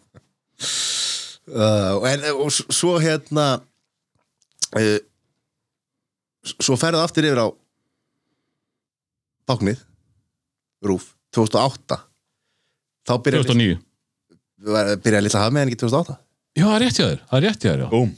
Hafa ég ég, ég, ég var fastur á 2009 uh, sko uh, við fórum yfir á FM vegna þess að uh, við vorum orðið svolítið vinsalir á X-inu og þá bara sko og morgun þættirnir á FM voru ekki að gera merkilega hluti. Og uh, þá hérna ég var náttúrulega með þessa tónlistabaktur í, í magunum og ég var alltaf að gera einhver dingdonglög. Það er bara mér ekki hérna, Pétur nefndi aldrei. Úst, hann er náttúrulega eiginlega ekkert í da da da. Hann er bara í uppæði nei, svo gata hann bara ekkert sungi hann vissi aldrei, á ég núna. Úst, það var allt bara eitthvað rugl. Við erum að tala um jæja Nei, hættu þessu hættu þessu svo hérna vorum við nýbúin að gera lag sem að ég var óksla ánað með veist, lagði rosalega metnað í það sem að hétt hérna Réttvísa uh, sem var sungið á, á, á ensku og sænsku. Fáraleg hugmynd. En ég ætlaði að gera það vinsalt á X-inu. Og þá kemur Gústi Héðins og segir, herðu, eða vil ekki koma á, á FM ég hef bara, hell no ég ætla, ætla að vera vinsall á þessu lægi mínu hérna, eitthvað svona. Uh, og þá úst, það er mjög mikið verið að skrúa mann í þessum bransan sko. úst, ef þú gerir þetta ekki þá bara er ekki döðlega sko. og ef þú gerir þetta þá farið svona mikið laun og eitthvað svona þannig að Pétur var öllu hrifnari af uh, hugmyndinni að fá meira borga seðlunum. Já. Uh, og við vorum búin að vera að gera grína FM í tvö ár og hérna, síma ödin sem að FM var þekkt fyrir, okkur fannst þau ömulegu mikið til leikin uh, ég get lofa ykkur því að öll bestu legendary símaödin í Íslandsögunum eru leikin uh, Sim og Jói á upptöku. Sim og Jóa hérna símaöðin sem að voru ógeðslega vinsæl flest öll leikin þetta segi ég á þess að hafa hugmyndum það en eftir að hafa uh, gert þetta sjálfur þá veit ég það sko. Þannig að við vorum að gera fullt af leiknum símaöðum fá krumma í mínus í bylgjulistina og fá frikka rúna sem er til að taka við hand, handbóltalandsliðinu eitthvað svona sem að enginn myndi sko láta plata sjá og allir bara geggja síma þetta Frikki Rúnar segja eitthvað vitlaus. Fengum Frikka Ragnars hérna uh, sem sagt, mann úr Njarvík til þess að drulli við káerliðið af því að hann var eitthvað ósáttu við uh, dómgæsluna í leiknum og við undan. Og eitthvað sem að enginn myndi gera ever. Og það bara svona raunaði yfir káer vegna þess út af einhverjum einum dóm eða eitthvað sliðis allir bara korg liftu þetta. Við fengum Jóa til þess að ég man ekki hvað við fengum Jóa til að gera þannig að það var eitthvað húst hvort að ég ætti að detta inn fyrir Simma húst, hérna, Simmi er hættur ég, ég ætla að taka við. Og hann var, já ok húst, þóttist trúa því. Allir bara alveg tilbúinur að kaupa þetta allt saman. Þannig að húst, þetta, var, þetta fannst okkur vola fyndið að gera símaöð sem að voru svo ótrúlega að það ætti ekki að vera hægt að trúa þeim svo fyrir við beint í það að gera þessi símaöð þegar við komum á FM og veist, þessi venjulegu öll sko. Matti man alltaf ekki neitt að þegar þið voru ekki að bylgjunni sko þannig, Ég hef hlustað nú líka X. Ég, Það er að vera 375 sko. Ég hef alveg, ég hef alveg sett yfir FM og X sko. á þessum tíma á þessum tíma þá þá var líka alveg rígur á milli það var X-ið og FM 97 mm þó, og, og setna þó að þetta sé orðið sko, undir sama batterínu en þá var rígur þetta milli nú er bara, er, eru crossover dagskrálir FM 9 blöð er bara komið á X-ið Hva, hvað segir hérna hæstvirtur útvarsmaður á ég er ekki hrifin að þessu. Nei, ekki heldur. Ég er ekki hrifin að þessu sko. er, er það bull í mér, þú manst það kannski betur en ég að, sem sagt tvíhöði, fóru einhvern mann tóku FM úr sett bara úr sambandi? Já, það er bullið þér. Það er bull í mér. Sko, tvíhöðu er svo fokk sama um FM maður myndi aldrei gera neitt til Þeir voru alltaf, þeir, þeir voru á X-inu þá voru alltaf drulla yfir FM og já, já, þeir myndi aldrei alltaf- gera einhvað til þess að, að skemma þú veist, þeim var bara þeir, mynd- þeir kannski gerði eitthvað grína fólkinu sem var að vinna þarna en Tóku ekki úr sambandi. Nei, ég, Ekki ég eðilega góða sögu. En, en, en býttu Já, sko þú voru náttúrulega þegar að Hansi var með á já, þá var einhver dagskálega þar sem að Hansi gerði alls konar einhver rugl sko. Það getur vel verið að hann hafi gert einhvað sko, á þess að ég viti það, ég ætla ekki að sverja fyrir nokkuð skapalið þar. Við erum að fá hans að á þessum tíma, ég meina Frost og Máni voru, sko, ég veit að þetta er líka búið til gott útvarp og svona, það var hluta af þessu. En, þú veist, Frost og Máni voru að, voru að sko, auglýsingarnar voru bara ekki vera auðmiki, hlusta á exið ekki stilla á FN 97, eitthvað, þú veist, þannig voru auglýsingar. -hmm. svona það sem að var verið að kýtast hérna, og svolítið svona pínur rígur á milli, sko hvenar er þetta? Að því ég held nefnilega svolítið að, að, að Múkisson hafi drepið þetta. Þegar hann kom með íslensku plötuna sína fyrstu þá fíluð hann allir. Hnakkarnir, rockararnir, wherever þannig að Múkisson var svona uh, stór hjá öllum. Og þá ég held að hann hafi náða að brjóta rosalega marga múra uh, að, að það sé svona einn og sami maðurinn sem hann næri gegn allstaðar sko. En nú erum menn að tala vel um hvort annan hann á þessum útastum Hvað er rugglir þetta? það finnst mér ekki sniðu sko. Nei. Já. ég, veist, Máni er ekki að tala vel um FM hættu þess, Ég meina, Máni er alltaf bara komin á, á bylgjuna og, og hérna er Máni? Nei, þú veist, liggur við, sko já, já, já já, svo náttúrulega Frosti kom inn í, í Síðdegið. já, og í síðdegið og kom inn hérna líka var ekki, hann var komin í Ísland Það er dag, bullandi eða ekki? crossover hann á milli, skilur já, já, já, já, það alltaf sé ekki þroski menn þroskast Svo einhver náttúrulega allir FM-nakkarnir gömlu, sko, konir á bylgjuna, sko. Kvati og, og, og hvað er heita allir hana? já, það er ansið margir examen á, á rástöðu Mm -hmm. Ég er að segja það.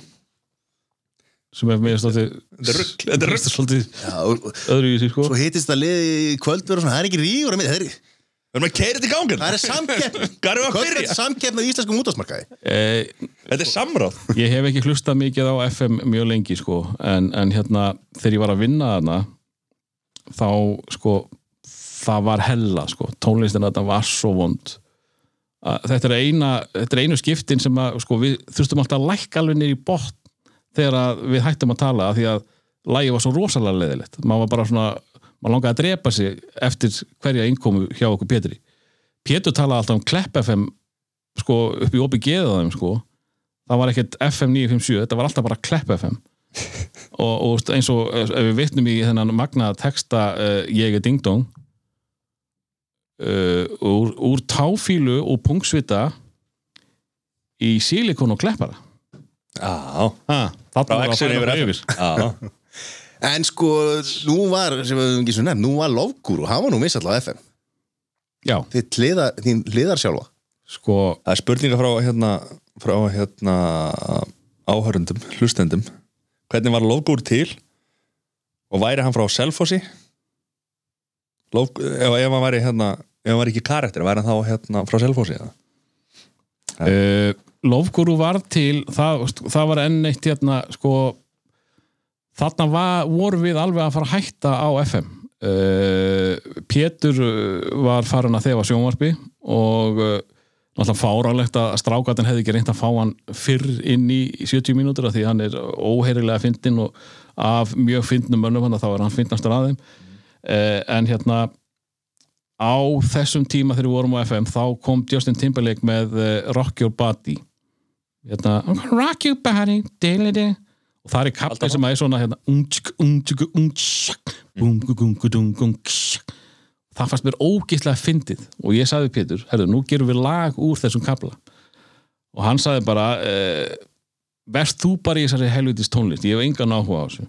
Ég vil hann alltaf res mjög, ég er búin að mála hann mjög Hann, hann er latur, óhress og... en, en að vísu hann nákvæmlega þetta sko. Hann var búin að fá nóg að þessu tónlistabröldi mínu sko, því hann, hann, hann vildi aldrei gera þetta en hann var alveg tilbúin að vera með því það var hluti af uh, skömmu áður voru við sem sagt, þá er ég nýbúin að sjá þátt hérna Behind the Music um Barry White og við vorum með það sem topic í Ding Dong á FM og ég var eitthvað að reyna að tala eins og Barry White og það var alveg sæðilegt Hvað er með því að reyna að tala eins og hann er bara eitthvað hann er, hann er guðu minn Hvernig talar hann eins og oh, oh yeah baby Eitthvað svona, uh, og honum þótti þetta ekki merkilegt. Og fór að kalla mig hinn íslenska lofgúru nafnið kemur en að karakterinn verður til sko. þannig að þegar hann neitaði að vera með mér í Rocky Body læginu þar sem að ég samplaði bara þennan kabla og og bjó til þarna, ef þú áttu vandamál að stríða, kannt ekki ríða þarf að býða með svíða og másvara kvíða þá hérna sem sagt ákvað ég að gera þetta sjálfur. Og ég er með svo lítið sjálf. Ég þór ekki að vera ég að ég varð að búa til einhvern karakter. Ég gæti ekki verið dotti að gera þetta lag. Og þetta átti líka bara að vera sem sagt uh, dagskráliður í þættinum. Þetta átti ekki að fara í eitthvað meira þetta var, ég laði miklu minna í þetta heldur en hinn uh, hérna dingdonglögin. Það var bara sem sagt við sömpluðum bara, stálum bara hérna þessum kabla og byggum til eitthvað lag úr því Gassi Gýr var með í þessu og uh, Gauð sem bjóð til auglýsingar uh, Ingólu Guðni sem að síðar gerði með mér alla fyrstu lókur úr plötuna. Sko þeir gerði þetta eitthvað á kortiri og, og svo bara bjóð ég til einhvern sóða texta yfir þetta sko. Úst, sjúa sleikja í konu konar kveikja. Uh, þar var ég að horfa á hérna fólksbræður no, sjúa og sleikja Reyna segja kunnið Já, þannig að Jóngnar og, og Pétur Jóhann bjökku til lókur en þar varð þetta skrimsli til uh, og þetta var bara klámvísa veist, og, og þetta átti ekkert að vera vinsælt. En það gerðist og, og fólk vildi fá annar lag. Veist, þetta lagi fór í þriðja sæti á íslenska listanum. Halló, er þið ekki að grínast?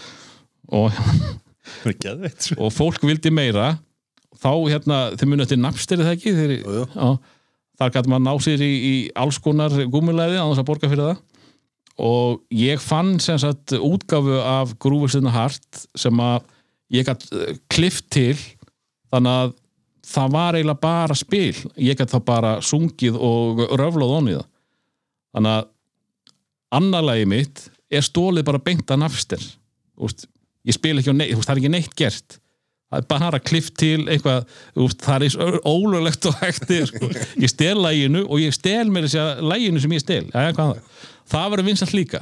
Og það er gert myndband við það og allt og, og, og hérna og það var svolítið vesen vegna þess að þá þurfti ég að búa til sínilegan karakter. Ég var ekkert búin að hugsa svo langt.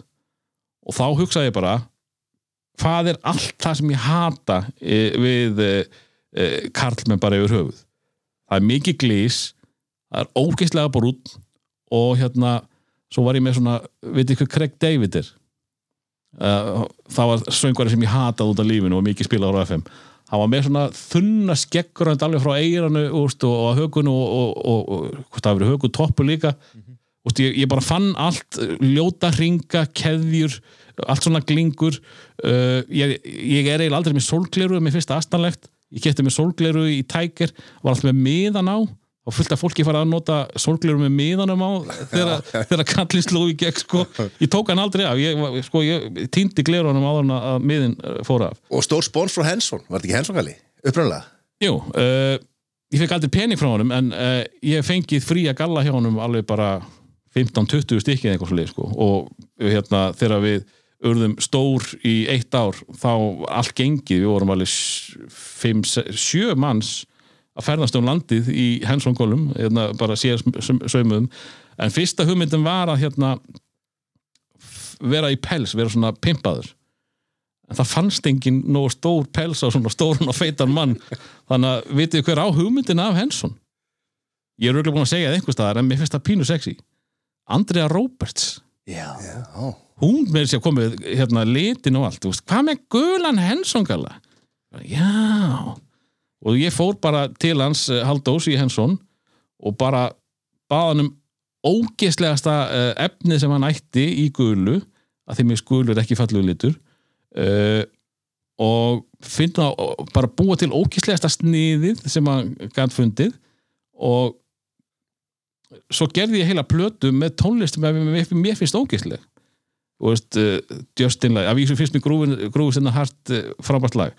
Uh, og úst, skúter grínið. Mér finnst skúter alveg drefleðilegu sko. en mér finnst flott sound í ýmsu sem hann gerir. Og úst, eins og 1-2 Selfoss mér finnst lægið ekki skemmtilegt en það sem að Ingo gerði eh, sko hérna í hans pródúseiningu er sko lægið er áleika vinsalt í dag og var þá sko. Þegar ég, er ennþá bókaður í dag aðalega bara út af þessu lægi þegar ég byrja, úst, ég er kannski með hálftíma gigga eitthvað slis, það er bara eitt, tvei, selfa úst, í fyrsta lagi slakið á mér, það kemur.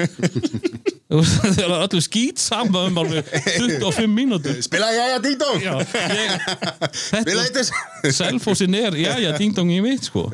En hérna Ertu ennþá að performa sem logúru? ég gá tvær plötur sem lokur í fyrra. Já, til þess að ég hérna, ég var að kaupa mér hús sem er alltaf dýrt fyrir mig þannig að ég þurfti að búa til pening þannig að ég ákvaði að gera tvær plötur uh, til þess að minna á kallinn. Og það var mjög mikið bókað á þessu ári eðlilega. En náttúrulega ekki ég, ég tók eitt gig á, á áður en að gerist einhvað Það kom inn að spurning, hvaða sjóð heitu dansa, dansarar voru með þér í, í logúru? það voru rosa margar sko. Uh, Þetta er Inga, Inga Coates Lókur átti hann að hvort að hún hefði verið í þessu eða ekki? Ég... Inga Coates var yfir dansir á tímabili sko. Ah, hún, hún er að, hún er að hérna, ég er að gefa út nýtt lag eh, sem Dotti núna 11. september og hún leikur konuna sem ég myrði já ah, það er ekki jafn mikil gleði hjá Dotta og Lókuru Lókuru gerir annað við konur Sko, svo, svo ég skil þetta rétt Þú, En hún vildi fá sjátátt greinlega Bara shoutout á Ingu. stórt, sjátátt sko. Ekki nema ég hefði ekki átt að segja nafni hennar Ég veit ekki með það þú gerir hérna sko svolítið svona anti-dotta Já, veist, það hef, fór alltaf rosalega töðar á mér þegar fólk var að tala um að, að þetta var allt er egoið mitt. Þetta, er þetta var svona anti-egoið mitt. Það var allt það sem ég hataði við uh, bara tónlistafólk eða eitthvað svolítið bæði fannst með tónlistinu ömuleg sem ég var að gera sem er svolítið skrítið svo, svo festist ég því að sko uppalega hugmyndin var rosa fyndin að gera heila plötu með einhverju tónlist sem er mest leiðileg og eitthvað, haha, þið keiptu plötuna finnst þetta ömulegt en ég er náttúrulega búin að fastur í þessu í 17 ár. Ég get ekki að fara að búa til einhverju tónlist sem er veist skemmtileg. Við reyndum það sko við, svo, úst, svo vildi ég hérna taka svolítið aðteglina frá mér að því við vorum alveg fimm úst, það voru tvei dansarar, söngkona, DJ og eitthvað slegis uh, þannig að ég vildi fá meiri aðtegli á aðra. Það var öllum skýt saman það. Við hættum að vera í hensongarla í smá stund þá bara búm þá bara var gúrum búin sko. við hættum ári síðar. Einna, ég var komin í jakkaföt rosa reffilugur, söngkonan mjög töff dönsurnar stuttum pilsum, rosa flott og eitthvað sliðis en að því vorum ekki í gulum hensongarla var bara vöru sök. Karakterin búinn. Já, ég ætla að segja sko að þú svo gerir einhver að gera tónlist sem að fellur þér ekki að skapi og það er rosa vinsalt, þannig að ég segi bara að þarf þú að endur sko að tónlistasmegðin en ekki almenningur. Nei, nei, Búm. Nei þú veist, uh, það var grínið þú veist, Ló, þú veist, ég var ekki að meina þetta. Lókuru var ekki það sem að ég stend fyrir. Og mér fannst fyndið að uh, ég næja skapa karakter sem að ég hef andúð á búa til tónlist sem að mér finnst leiðileg og það verður allt vinsælt uh, og það var uppalega hugmyndin og veist, uh, ég held að ég myndi vera rosa ríkur af plötuna því að fyrstu, fyrstu sjör lögin fóru hún á íslenska listan þar af held ég fimmin á topp 10 sem er bara, bara magnað þú veist, ég hef ekki komist á einu lægin á lista síðan sko. en, en þegar við sko, Ingo gerði plötuna með mér alla og við vorum með hana tilbúna bara masterinn tilbúin þú veist, þegar við fórum á milli útgáfa fyrirtækja og ætlaði bara hver býðu best að því við vorum bara með hérna gullnámi í höndunum. Og hérna en síðan sagði úst, uh, til dæmis hann Eyður bassarleikar í stjórninni sem að var yfir senu eða eitthvað sliðis hann sagði bara þið eru búin að fá of mikla spilin í útdarpi þetta kemur ekki til með að seljast. Að þú veist hálfviti. Fórum á einhver aðra og já, mér líst vel á þetta en kannski ekki alveg núna. Það endaði með því að hérna útgáfi fyrirtækið mannaskítur gaf okkur út. Og vitið hver átti það? Nei. Nei, það, þarna hefði þú átt að grafa það upp sko, það hefði umlega hljómsveitin mínus. Það var Máni sem gaf mig út. Já. Já, hann sá líka, hann held að hann myndi vera ríkur líka sko. við skrifum aldrei undir nýna samninga þannig að það var aldrei neitt uppgjör þannig að það ég held að við selt eitthvað 12-1300 eintöku eða eitthvað slegis og það, sko, það var aldrei neitt uppgjör þannig að ég veit ekki hvernig, hvernig þetta endaði sko. en algjör skellur að við sko, við sendum ekki lofgúru í Eurovision en svo sendum við einhverja einhverja hérna, eitthvað pollapönk í hensongölum út sko. Ha? Lofgúru held ég væri flottur í Eurovision Já, það var mjög margir komið og, og, og hérna Dóri Hensson, hann var alltaf að, að hvenar ætlar í Júri og svona elsku drengurinn minn, hann ætlaði að vera stór út í um stóra heimi með, með Hensson-merkið uh, mjög margir komið þessa frábæru hugmynda að, en síðan hérna og ég, mér langaði alveg og ég var að pæli ég ætlaði að senda lag inn og var bara eiginlega að íta á send þegar ég heyrði sko að þá var ég byrjar að vinna á, á RÚF að starfsmenn RÚF megi ekki taka þátt en úst, ég var allan að einu sinni næstu búin að senda inn lag og það hefði komist í, í undankeppnina en er ekki unnið ég ætla ekki að segja ykkur hvaða lag það var en svo undankeppnin var bara rosalega léleg þannig að ég, ég hlýta að hafa komist í gegn En þetta lag sem fara að gefa út núna Sem þú mm. 11. september Mm Hvað Getur þú sagt eitthvað með það? ég get sagt eitthvað hellingu það uh, þetta er í fyrsta skipti, sem ég segi einhverja sög sko, ég er náttúrulega búin að semja texta í 17 ár um að dansa, djamma og hafa gaman án þess að tala um rýðingar eða eitulif eða helst ekki áfengi af því að það er svo mikið af ungu fólki og jafnvel börnum sem hafa gaman á gúrúnum. Þannig að ég er búin að vera við rosalega þröngan stakka sníða uh, og alltaf er rosa gaman hjá mér. Ég er alltaf að dansa og uh, við erum að tjúta en ég má ekki nota neinn skemmtileg orð. Þannig að eftir ég uh, fann rödd mína sjálfur sem, sem Dotti í fyrra ég, ég ætlaði semst að gefa út þessar tvær uh, logurúplötur og síðan bara var þetta komið gott. Ég ætlaði bara uh, ná mér í nokkuð gig á þessu ári með því að minna á mig með, með útgáfunni. Og fann hérna sem sagt Dottan í mér og þorðir loksin sjálfur að gera eitthvað sem, að, sem ég. Og núna var ég sem sagt, að semja uh, fyrsta skipti einhver- einhvers konar sögulegan texta þar sem eitthvað gerist. Það er engin að djamma og ég drep konuna og ég veit ekki hvað og hvað uh, þetta er bara mjög dark. Þeir sem býða eftir hressu lægi hérna, með lofgúrugördu sem kalla sig Dotti núna þeir eru eftir að fá neitt sjó sko. Ok. En þú, þú, sko, þú ert náttúrulega alltaf fyrkt í tónlistinni. Ég meina þú varst að gefa út fjórútgáður af Casablanca sem var, er gamall lag frá hvað, 87? 83. 83 þú, þú ert alltaf að, að dundi í tónlistinni. Já. Uh, Sko ég get alveg viðkjönd það að Lofguru hefur, sko Lofguru dó held ég 2007 Úst, uh, Það fór bara í hruninu eða? Já Hann eiginlega, úst, hérna Er þetta kröða sem að tók, tók hann upp í? Lofguru Group No More uh, Hérna 2004 var náttúrulega bara geggjað uh, Þar vorum við bara komin í sko úrvastildina sko með land og sonum og sálinni eða eitthvað slíks, vorum að spila á risa dansleikjum og einhverju ruggli sem fáralegt að því við vorum bara með alltaf playbacki eh, við vorum með tveggja, þryggja tíma böll bara á playbacki, skilur og við vorum ekki að taka sömu lögin mörgursunum þannig að við vorum að taka einhver bara einhver, einhver diskolög sem að Ingo var búin að spæsa upp og eitthvað. En sko Palli var ekki byrjar að gera þetta. Palli var bara DJ ég eiginlega ruddi brautina fyrir alla þessa menn sem eru að lifa á playbacki í dag sem að er kannski ekki endilega til þess að vera stoltur af en við vorum aldrei að fara að búa til hljónsveit ég kann ekki neitt hljóðfæri sko. ég kann eitthvað aðeins að fykta í tölvinu og búa til eitthvað grunna og lætt síðan eitthvað betri menn klára það. En, en hérna nú, já hérna svo 2005 þá vorum við ennþá svolítið sexy svo fór þetta, hérna þegar við fórum í jakkafundin fórum að vera töff, þá hérna hrundið þetta alveg og svo heldum við eitthvað svona lokaball á, á gauknum eh, 2007 minnum við frekar en 2006 það var alveg geggjað, rosa gaman. Og þá ætlaði ég bara að leggja kallinu sko. Og hérna en svo var alltaf verið að ringja einhverju skólar og eitthvað svo leiðis og hérna, eitthvað selfos eitthvað, hei og ég, þá var ég bara hérna, ein ennins ekki. Svo byrjar svo byrjar hann hérna einar með kótilettuna hvort það hefur verið 2009 frekar en 2010 og hann ringir í mig lögutaskvöld ég bara horf á sjónvarpið heyrðu þið hérna okkur vantar hérna hérna týnda sonin Þetta er þetta mjög góður einar þetta er svolítið Einar Bárðarsson. Já, ég, ég er að segja það, þetta var góður einar Bárðarsson þetta var að vera Einar Björnsson sem að Nei, veitu, er ekki einar Bárðar, var hann ekki með kótrættur? Nei, nei, nei, nei. Hann er ekki með allt sem að gerast á Selfossi, sko.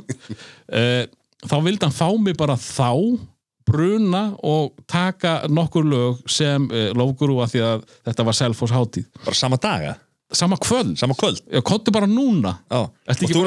Og, þú er náttúrulega bara að vaska upp hérna og, og fer, að- að gráta og... Ég sagði, ég, ég sagði passi það skiptið en uh, ég gaf hann þá lofar að ég myndi skildi vera með næst en það bjóst ég ekkert við því að þetta uh, myndi endurtaka sig Já. uh, og ég er búin að vera allar kótilegna síðan og búin að vera hellingi í, í skólum og, og hérna brúðkaupsveislum og, og ársáttíðum eitthvað svoleiðis. það, það er búin að vera alveg slatt að gera sem gúru og þess vegna hefur hann að lifa það því að hann gefur mig smá í aðra hönd sko. uh, svo þarf ég alltaf að búa til eins, einstakar lag til þess að minna á hann sem verður ekkert vinsalt en, en fólk svona, að þessi ykkur, er hann ekki með selfósin eitthvað svona. Þannig að þess vegna er hann á lífi en, en svo var ég mjög mikið bókaði fyrir, fyrir þetta ár sem, að, sem að það klikkaði aðeins. En þú, spurningin var aftur? Það man ég ekki já, uh, allan að, ég ætla að svara því með því að segja ástæðan fyrir að Lúkur sé ennþá til er að, að hann gefur í vasan Dotti mun aldrei gefa neitt í vasan sko. Já, við vorum að tala um lægið þitt. Já, já, Við erum bara því, þetta var einhver lengsta spurning svar sem að ég hef nokkuð um að heyrt sko. Herri, ég ætla að koma með að því að sko 2008 þá ertu með andra í hérna uh, Lillu hafmeginni mm -hmm. þar sem að þið hérna takið upp þátt á, á milli landa. Uh, Andri í, í konsulköpun Kómsinsköpen og, og, og hérna minnist að þetta atrið mitt sko fyrir utan kannski hérna uh, besti latin það var þegar Andri var búinn að sapna sko setja diktafón undir sængina og prumpa í marga mánuði og svo kom bara einhver tími inn að klippa að prumpi, margra mánuði að prumpi. Maður setti því. Jú, jú, hann sagði ég er með gott atrið ég er með gott atrið, spila þetta bara það var á þess ekki tímyndur, þetta var kannski einu og hálf en, en sko þetta var ríkisútarspið og hérna e, það, hérna, sko ég og Andri náðum mjög snemma rosalega vel saman, hann er tíu árum yngri en ég sko. Og hérna hann er mitt, sko hann byrjaði á exinu sem hérna Andri Karate. Og hans karate var bara að vera svalasti maður í heimi skýt saman um allt og, og hérna, hann spilaði bara ógeðslega mikið indi og svo þegar hann var komin inn í dagdagskrá þá þurfti hann að fara að spila ramstana og hann átti erfitt með það þá fór hann að kalla sig Freysa og bjóð til þann karakter. Þannig að Andri, Andri Karati uh, var aldrei í, í dagdagskrá. Hann var aldrei að spila Ramstein hann var bara að spila eitthvað pavement og eitthvað, eitthvað voða indi og, og töff. En þegar hann var svo, að færa sig úr þessum hérna, karate þætti sem hann var svona indi þáttur þá var, sko, var stundum fenginn í að tækna okkur Pétur. Þá var búið að selja okkur eitthvað út í bæi og eitthvað sliðis og sko við kynnumst í fyrsta skipti uh, bara í gegnum eirað af því þá er sem sagt að stjórna okkur uh, frá exinu og við í, í hvað hérna munið eftir hérna uh, veitingastafnum í lækjagutunni sem að seldi bara jacket potatoes eða eitthvað slíðis, munið eftir því.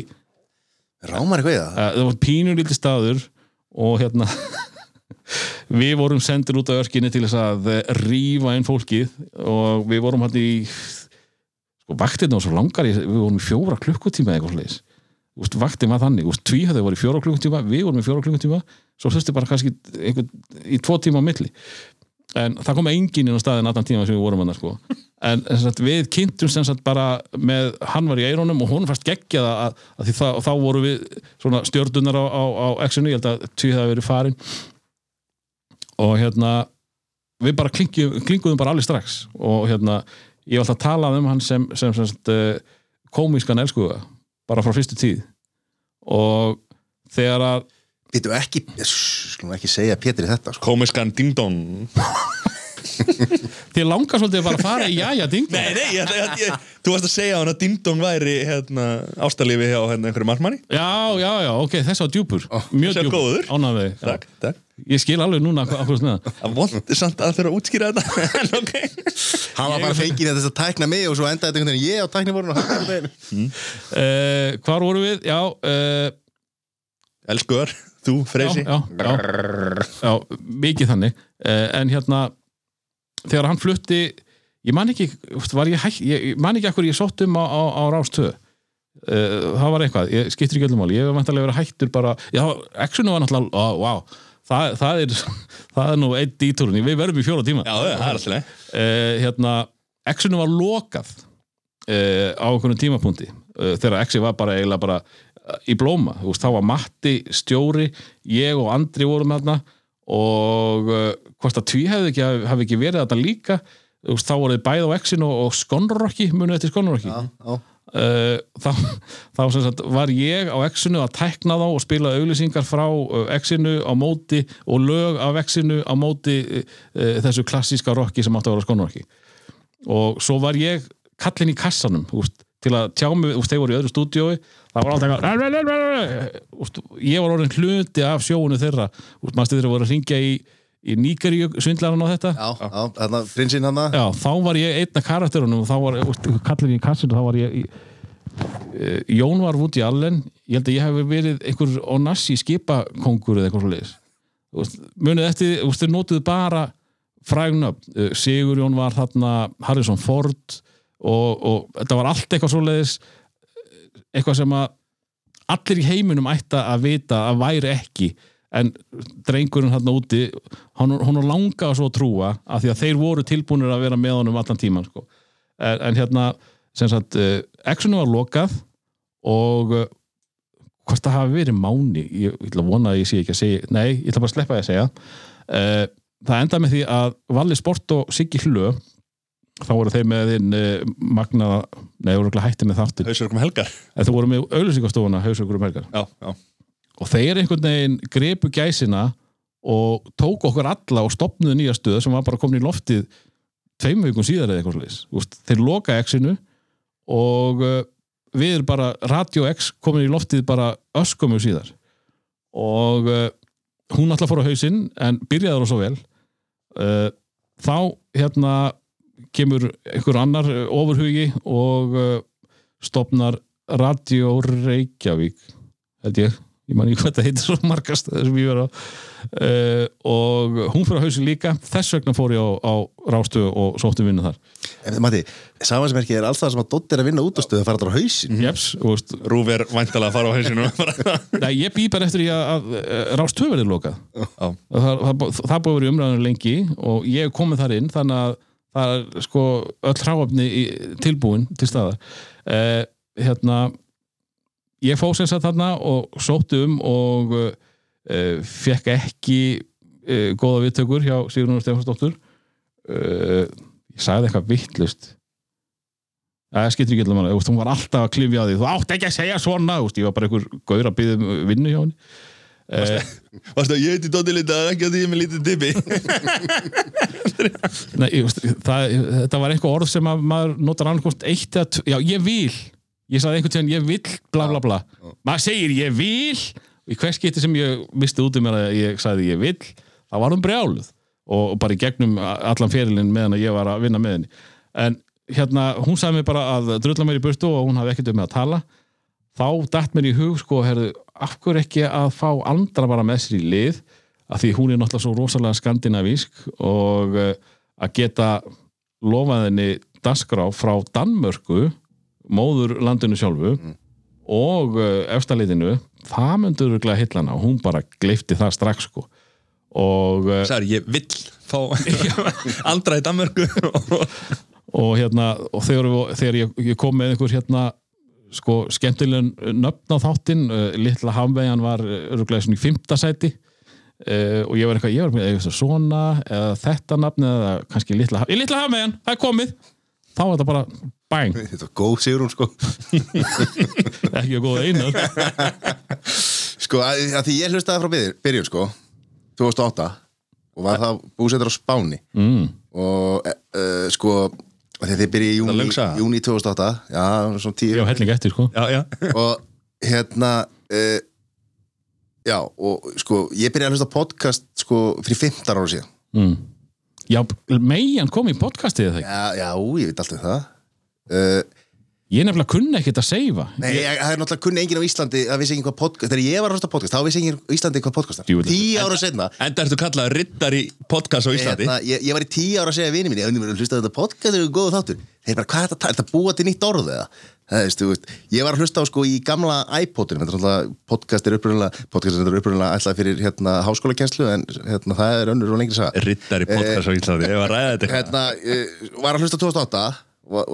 er og lengri saga Riddar í podcast á Íslandi Ég var að ræða þetta var að hlusta 2008 og, og og alveg til 10 og var að lenda líki í vandræðum. Já, post frá 2007-2008 sem ég var að senda Sim og Jóa var að segja um að hérna, þetta var alltaf bila sko, þetta virkaði ekki, mm -hmm. hengja hann í tölvun og flytja yfir og eitthvað vesinn og svo er ég með hérna, hérna er póstur frá Allir sopnaðir sko. hérna er póstur frá, við, verð að finna þetta. Slagið það sá, Við erum sultu slagir við erum að koma. Hérna, þetta er og meðan þú leitar, þá hérna mann ég sko að morgumblæðið ætlaði að byrja með eitthvað podcast uh, session uh, á, á MBL uh, síðinu sinni sem að Jón Axel stjórnaði og uh, hann kom að þegar, að- já, bara þegar megin var að byrja held ég. Og hann hafði, úst, við, sko hann var náttúrulega yfirmaður minn á tímabili þegar ég var með Ding Dong uh, á einhverjum af þessum stöðum. Og, og hérna, hann bannaði mér ekkert að hætta að því hann náttúrulega að færa mig úr, úr verktaka yfir í launþega og ég hafði ekki efnaði þá þess að borga skatt tvöfaldan í alveg heilt ár. Já. hann öskraði, þú ferð ekki nætt og, og ég fór ekki neitt. En hérna, að við höfum búin að vera félagar alveg heil lengi sko og hann hafði sambandið mig og spurði hvort að ég vildi ekki setja þessa meiu í þetta podcast sem ég vissi ekkert hvað var sko. Já. og uh, það sko í öllum svona mínum samstörfum þá hef ég alltaf síðan um alla vinnu. Alla klippingar, allt eitthvað vesen Andri var náttúrulega bara í Danmur sko, og þó hann hlupaði diktafón Já, það, það var hans sko, það, stærsta framlag var, var prumpið. Eh, en sko eh, hann vildi sagt fá þættina í þetta podcast, ég held að podcast eða hlaðvarpið hefði ekki verið byrjað á rúf þannig að ég er ekki þessum að þeir hefði kvarta mikið yfir því.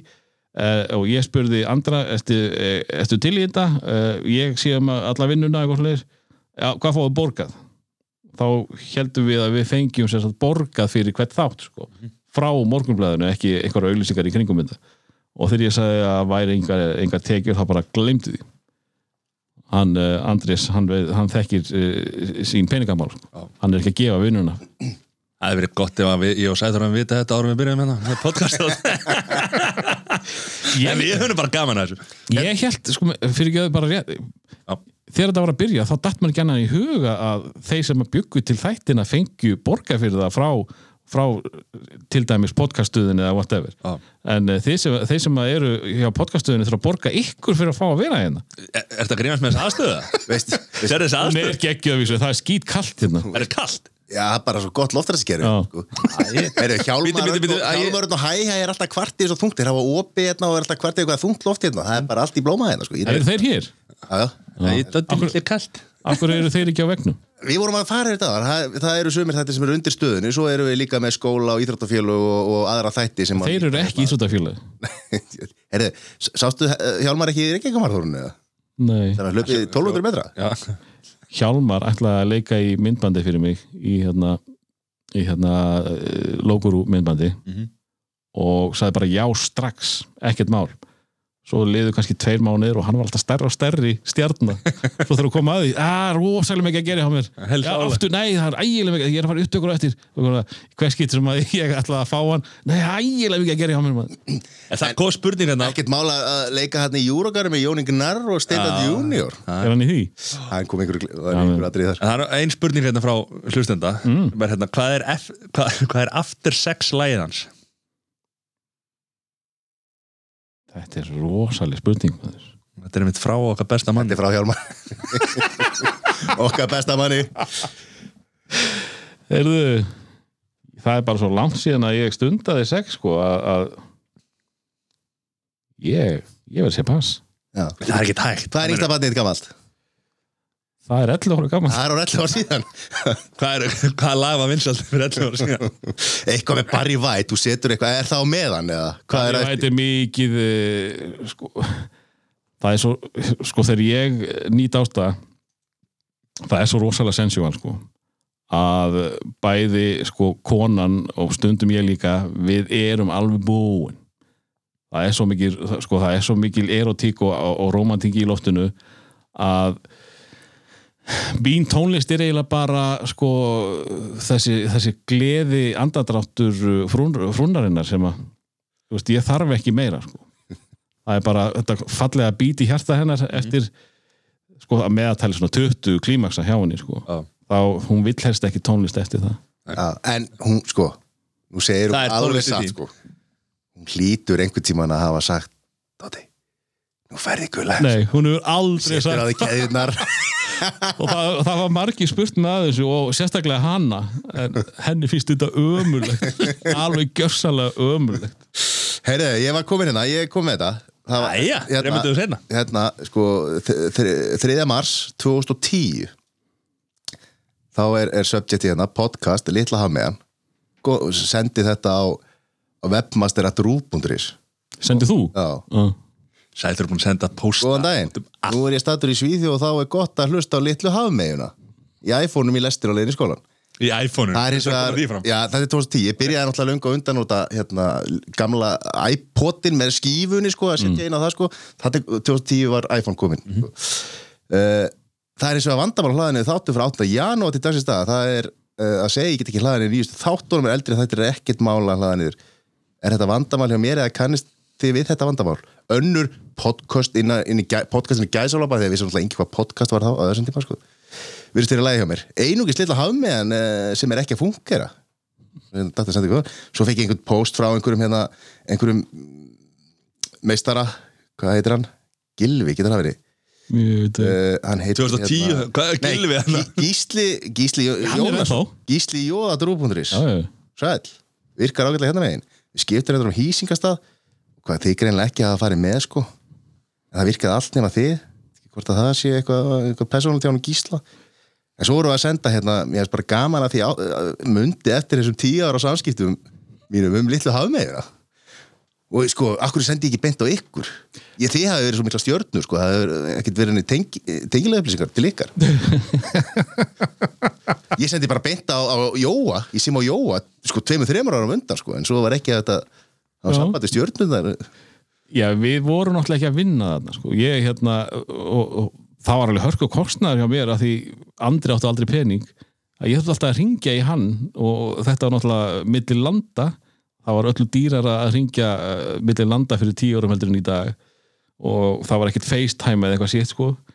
Þannig að- við vorum sko náttúrulega bara verktakar og vorum bara með hann eina þátt og Andri kom held ég tvísvar í útsendingu, hann var tvísvar á landinu þegar við vorum með þáttinn.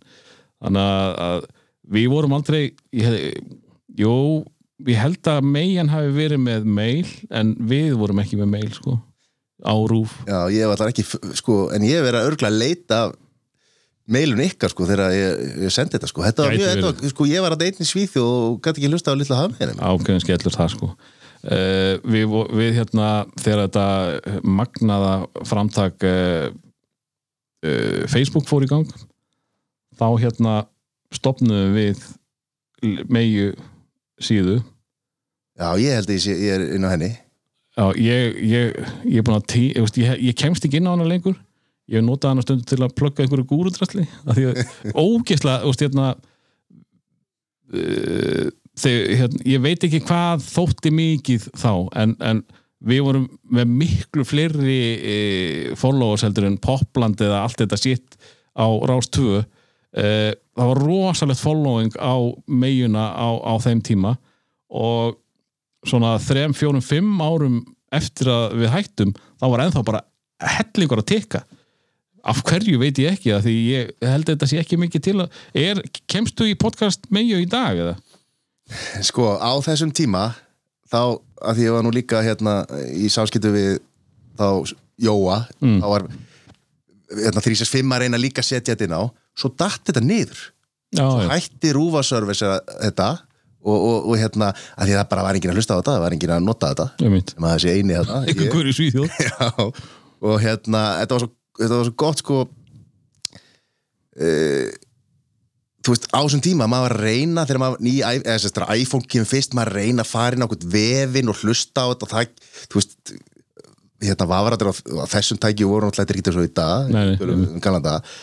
En, en þú, þú veist, þetta var svo gott að geta bara sett hljóðfæl inn í iTunes hlusta á þetta þar. Mm.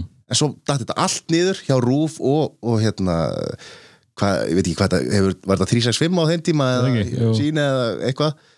Dætt alveg niður þar í nokkur ár sko og þá var bara erlend podcast í búið þangar til að svona 2013-14 byrjar hérna alvarpið og, Já, fyrsta, að fyrsta podcast, podcast bylgjan floppaði bara stórt hérna heima sko. Eðlilega hætti fólk að pæli það var enginn að hlusta á það Já, af því ég held mér að 2000, og, hérna, 2007 þegar ég er að tala við hérna, uh, Jóa þá var held ég bara niðurstaðan úr, úr, úr þeim samskipti bara eitthvað, já, við erum, bara, við erum hættir að setja inn og þetta er eitthvað, að ganga eða þar var það bara línulega dagskrá. Ef þú mistir að þættinu þá bara mistir á honum. Já, það var enginn að pæli það er möguleika að ná honum.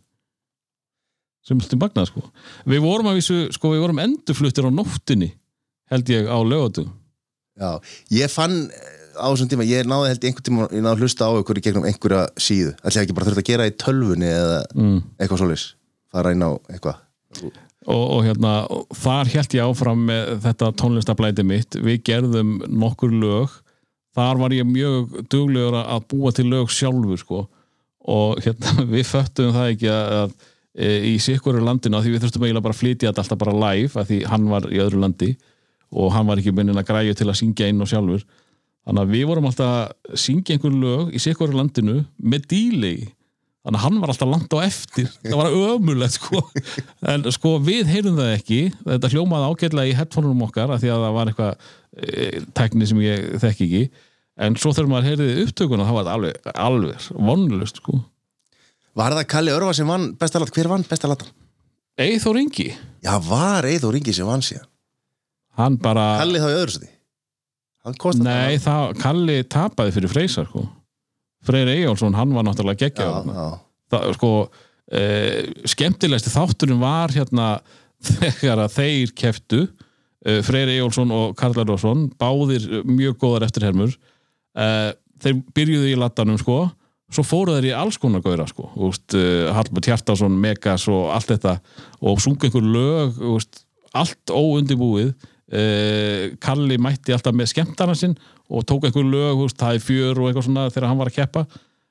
En hérna síðan tókuðu bara einhver lög saman bara sem hinur og þessir. Það var, það ég, e, þetta er alltaf á YouTube eða mjög mikið af þessum keppnum er á YouTube. Uh, bara Latin 2009 það er bara, þá finnið allar þessar keppnir. Og þessi þessi keppni uh, Kalla og, og, Freysa uh, er með 2000 áhorfa sko.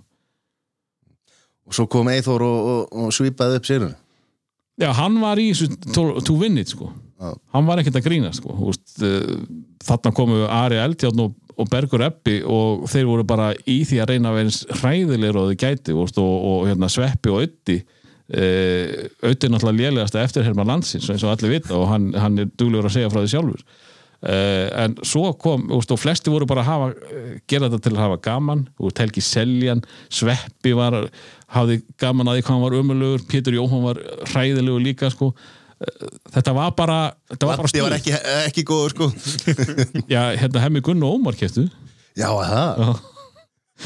Þannig að hérna okkur hafði, við höfum rosa gaman að þegar hérna hemmi tók já, landi minn, eitthvað svona rosa gaman, eh, en hérna Eithó var allan tíman hann alltaf að vinna þetta sitt en það vann hann allar keppnin sem kom hann nálat sko. söngvakeppnin, eh, bandið hans Bubba og ég held að þetta hafi verið þriðja í röð á mjög skömmum tíma, Það var Eurovision þetta heima alla, eða það var einhver síðast mun síðar held ég. Já, það var, já. Hann, sko, hann er náttúrulega sko. Geggju eftir.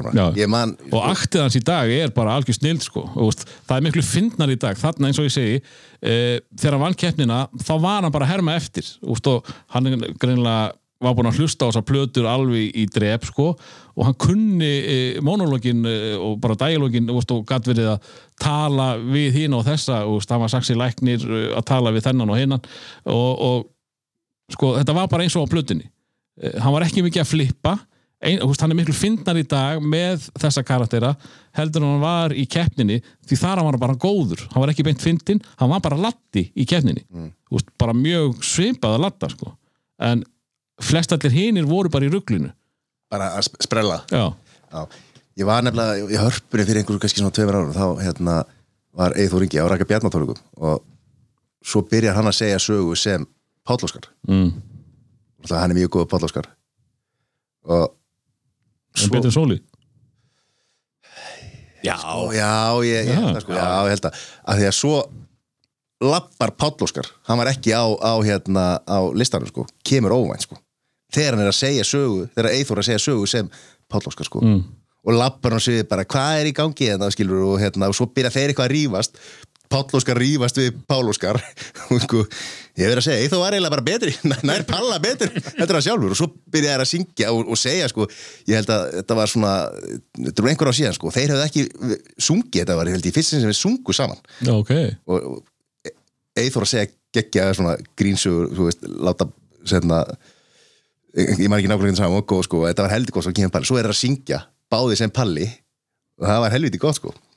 Eh, ég hlæ ekki að nefni eftir sem eins mikið og þegar sól er að taka rakabjörna mér finnst það ógeðslega fyndið. Sérstaklega þegar hann var að byrja á þessu.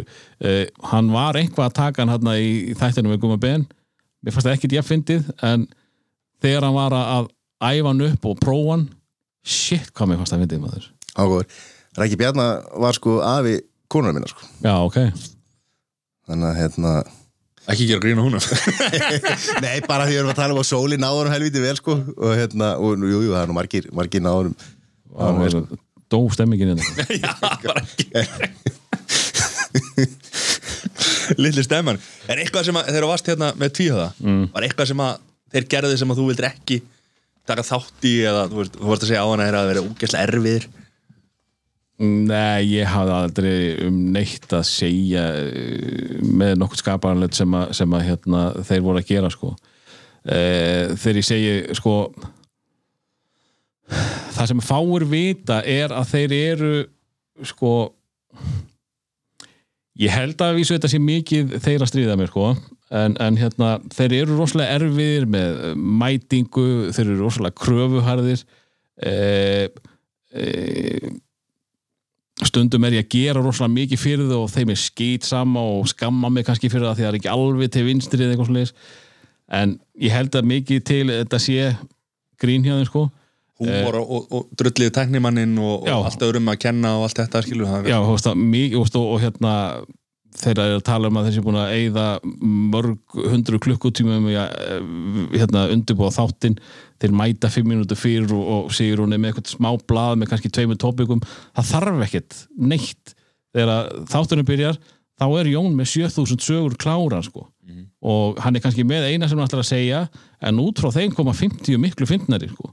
þannig að þetta eru menn sem að þurfa aldrei að undirbúa sig. Og uh, þetta eru bara náttúru talent uh, Sigurðun var stundum erfur uh, back in the day en í dag er hann bara sko það frekar Jón sem er erfur eða einhverja þeir í dag sko. En, en þeir hafa samt gaman að því að búa það til að ég sé að gera fullt af hlutum og það sé einhver mér að kenna svo ég verði böggaðar af hlustundum og ég verð böggaðar af hlustundum alveg rosalega mikið. Uh, það er fullt af tvíhöða fans að followa mig á Twitter bara svo ég geta bögga mig sko Drullið við Já. bara, hú veist, akkur er ekki þáttunum komin og allt þetta sétt sko. Já, hey, sko ég- ég var í glasi gera þetta í glasi en þú veist ég trú gerir þetta ekki Já, ég meina, þú veist þú mátt vera leiðilegastur en það er alveg 7000 aðri sko. þannig að þú, veist, þú átt ekki breyk það, það eru margir hann og mikið, mikið konur líka sko, sem að uh, hérna uh, þurfa aðeins að tjá sig um hvað var lélægt hjá mér í sambandi við tvíða er það? Já, ég var bara eftir góðum momentur sko, þú veist, af því að maður Nei, þú veist, þetta er það- bara beint til mín pe pe personal message. Já, ég, ég veit það, en ég er að segja, sko, þú veist, hérna, því að þetta voru náttúrulega bara trúabröð hjá mér, sko, og maður hlustaði bara grimt og ég man bara mér varst alltaf ekki það, sko. Það er bara mín skoðun, það er greinlega ekki skoðun þjóðan Nei, þú veist, það er hérna uh, ég hef eftir að fá uh, mikið slengt fyrir þetta. Uh, tvíhjöða aðdándur eru frekasta fólk í heimi. Það er bara klárt mál. Ef það er eitthvað smávesinn þá látaðu mig ekki, og þó að hafi ekkert með mig, ég var, í, ég var á Marrakó fyrir tveimur frekar en þreimur árum síðan í sumafríi og síminn stoppaði ekki vegna þess að það var eitthvað vesen á ég, nei, ég er í sumafrí og það, þeim var skýt sama. Fokkin redda þessu, bitch, núna. Veist, ég er í Marokko hérna, hvað ég gera? Redda þessu, bara end of story. Veist, það er veist, þeir líka leika þennan leik. Þú veist, þeir eru stæstu uh, hetjur í heimi og alltaf að kvarta í útvarsráð og eitthvað svo leiðis þeir eru, eða, hlustendur eru bara að taka þátt í leiknum sko. Já, Og ég meina, þeir eru náttúrulega eins og segir, þeir eru legend. Já, já, og þá er náttúrulega fólki sem er að followa bara er vant því Já, já. legend eru bara komin í útarpið þitt eða podcastið þitt eða- ég sé núna mistöki mín að senda hérna 2010 á okkar webmaster á drúf. Ég átti bara að senda beint á því reddaðu hafmeginni, núna kallinn. Ég er einn í Marokko, slaka aðeins á Þegiðu ég hérna Og eru menn að segja bits og letið það? Er hafaleg, sko fólk er ekkert að grínast. Það, ef, það, ef það er að deyja úr uh, tvíhöða tremma þá, þá þarf að fá sín skamt sko. Og uh, sérstaklega þegar ég er ekki uh, að fylgjast með þessu og sko, ég held utan um tvíhöða á rúf ég uh, sérstaklega núna upp á síkasti þegar að, að hérna ég fæ hvað sem er böggi þó einhver annar sé að gera þetta þá fæ ég bara ábyrðina það var ofta eitthvað vesinn og, og, og þú þekkir þetta með sérstaklega podcastið. Tvíhöfði er ekki droslega vinsæll live en hann er ógeðslega vinsæll í, í hlaðvarpi. Og ef það dettur ekki inn á réttum tíma þá, þá fer alltaf stað sko. og uh, sko kerfið upp á rúf er ógeðslega flókið við tökum bara ekkert upp þátt og setjum bara á netið þáttunum fer inn í einhvern svaka feril og uh, ég þarf að skila mínu og uh, Jónatan Garðarsson sem er erki snillingur hann þarf að taka búa til einhvern þátt inn í kerfinu til þess að hann skili sér í uh, ákveði ferli sem fer síðan yfir á einhverjar streymisveitur. Þannig að það, þetta eru nokkur stopp og stundum vitum við ekki hvar stoppið er. Og uh, bara segja ykkur það strax ef einhver tvíhæða brjálangur er það núti ég geng alltaf frá mínu. Það er, það er aldrei mér að kenna en það er oft sem þetta stoppar ekki ára leiðinni. Og við vitum ekki hver, hvers vegna. Þá þarf að endur gera þetta þá þarf að endur uh, ræsa kerfið og ble ble ble þannig að það er einhverju bökkar hérna inni stundum. En Ég held að tví hefði bara drullið sér á podcastuðuna, þá var þetta ekkit vesen sko. Nei, og líka minn eins og rektakin, hann er einhvern veginn, flóki kæru rektakin, hann er einhvern veginn falin eins og þegar hérna Berglind Festival kom tvisatíðin í Grínlandi. Nei, það var, það var bara mér að kenna. Það var alveg mér að kenna það var uh, sko, það var ekki svona glæsilega græjur hér eins og hér, eru hér sko uh, að því headphonein plata rosalega mikið í einu stúdíónu hljómaði rosa fínt í hausin á mér allan tíman, svo heyrði ég upptökun og heyrðist ekkit í henni sko. Já, það, var öfugt það var bara, heyrðist bara í öðrum mæknum það er ekki ákveðin dýst að, skemmtun, sko. að sé á upptöku hérna, sko. Það er bara komið í ljós, sko. Við förum það bara aftur yfir þetta En Greenland, hvernig byrjaði það? Það byrjaði e, sko, þá var Frank Hall dagskvæðstjóri Rása 2 og þá var þessi önnur bylgja podcastsins, eh, að keira sig í gang.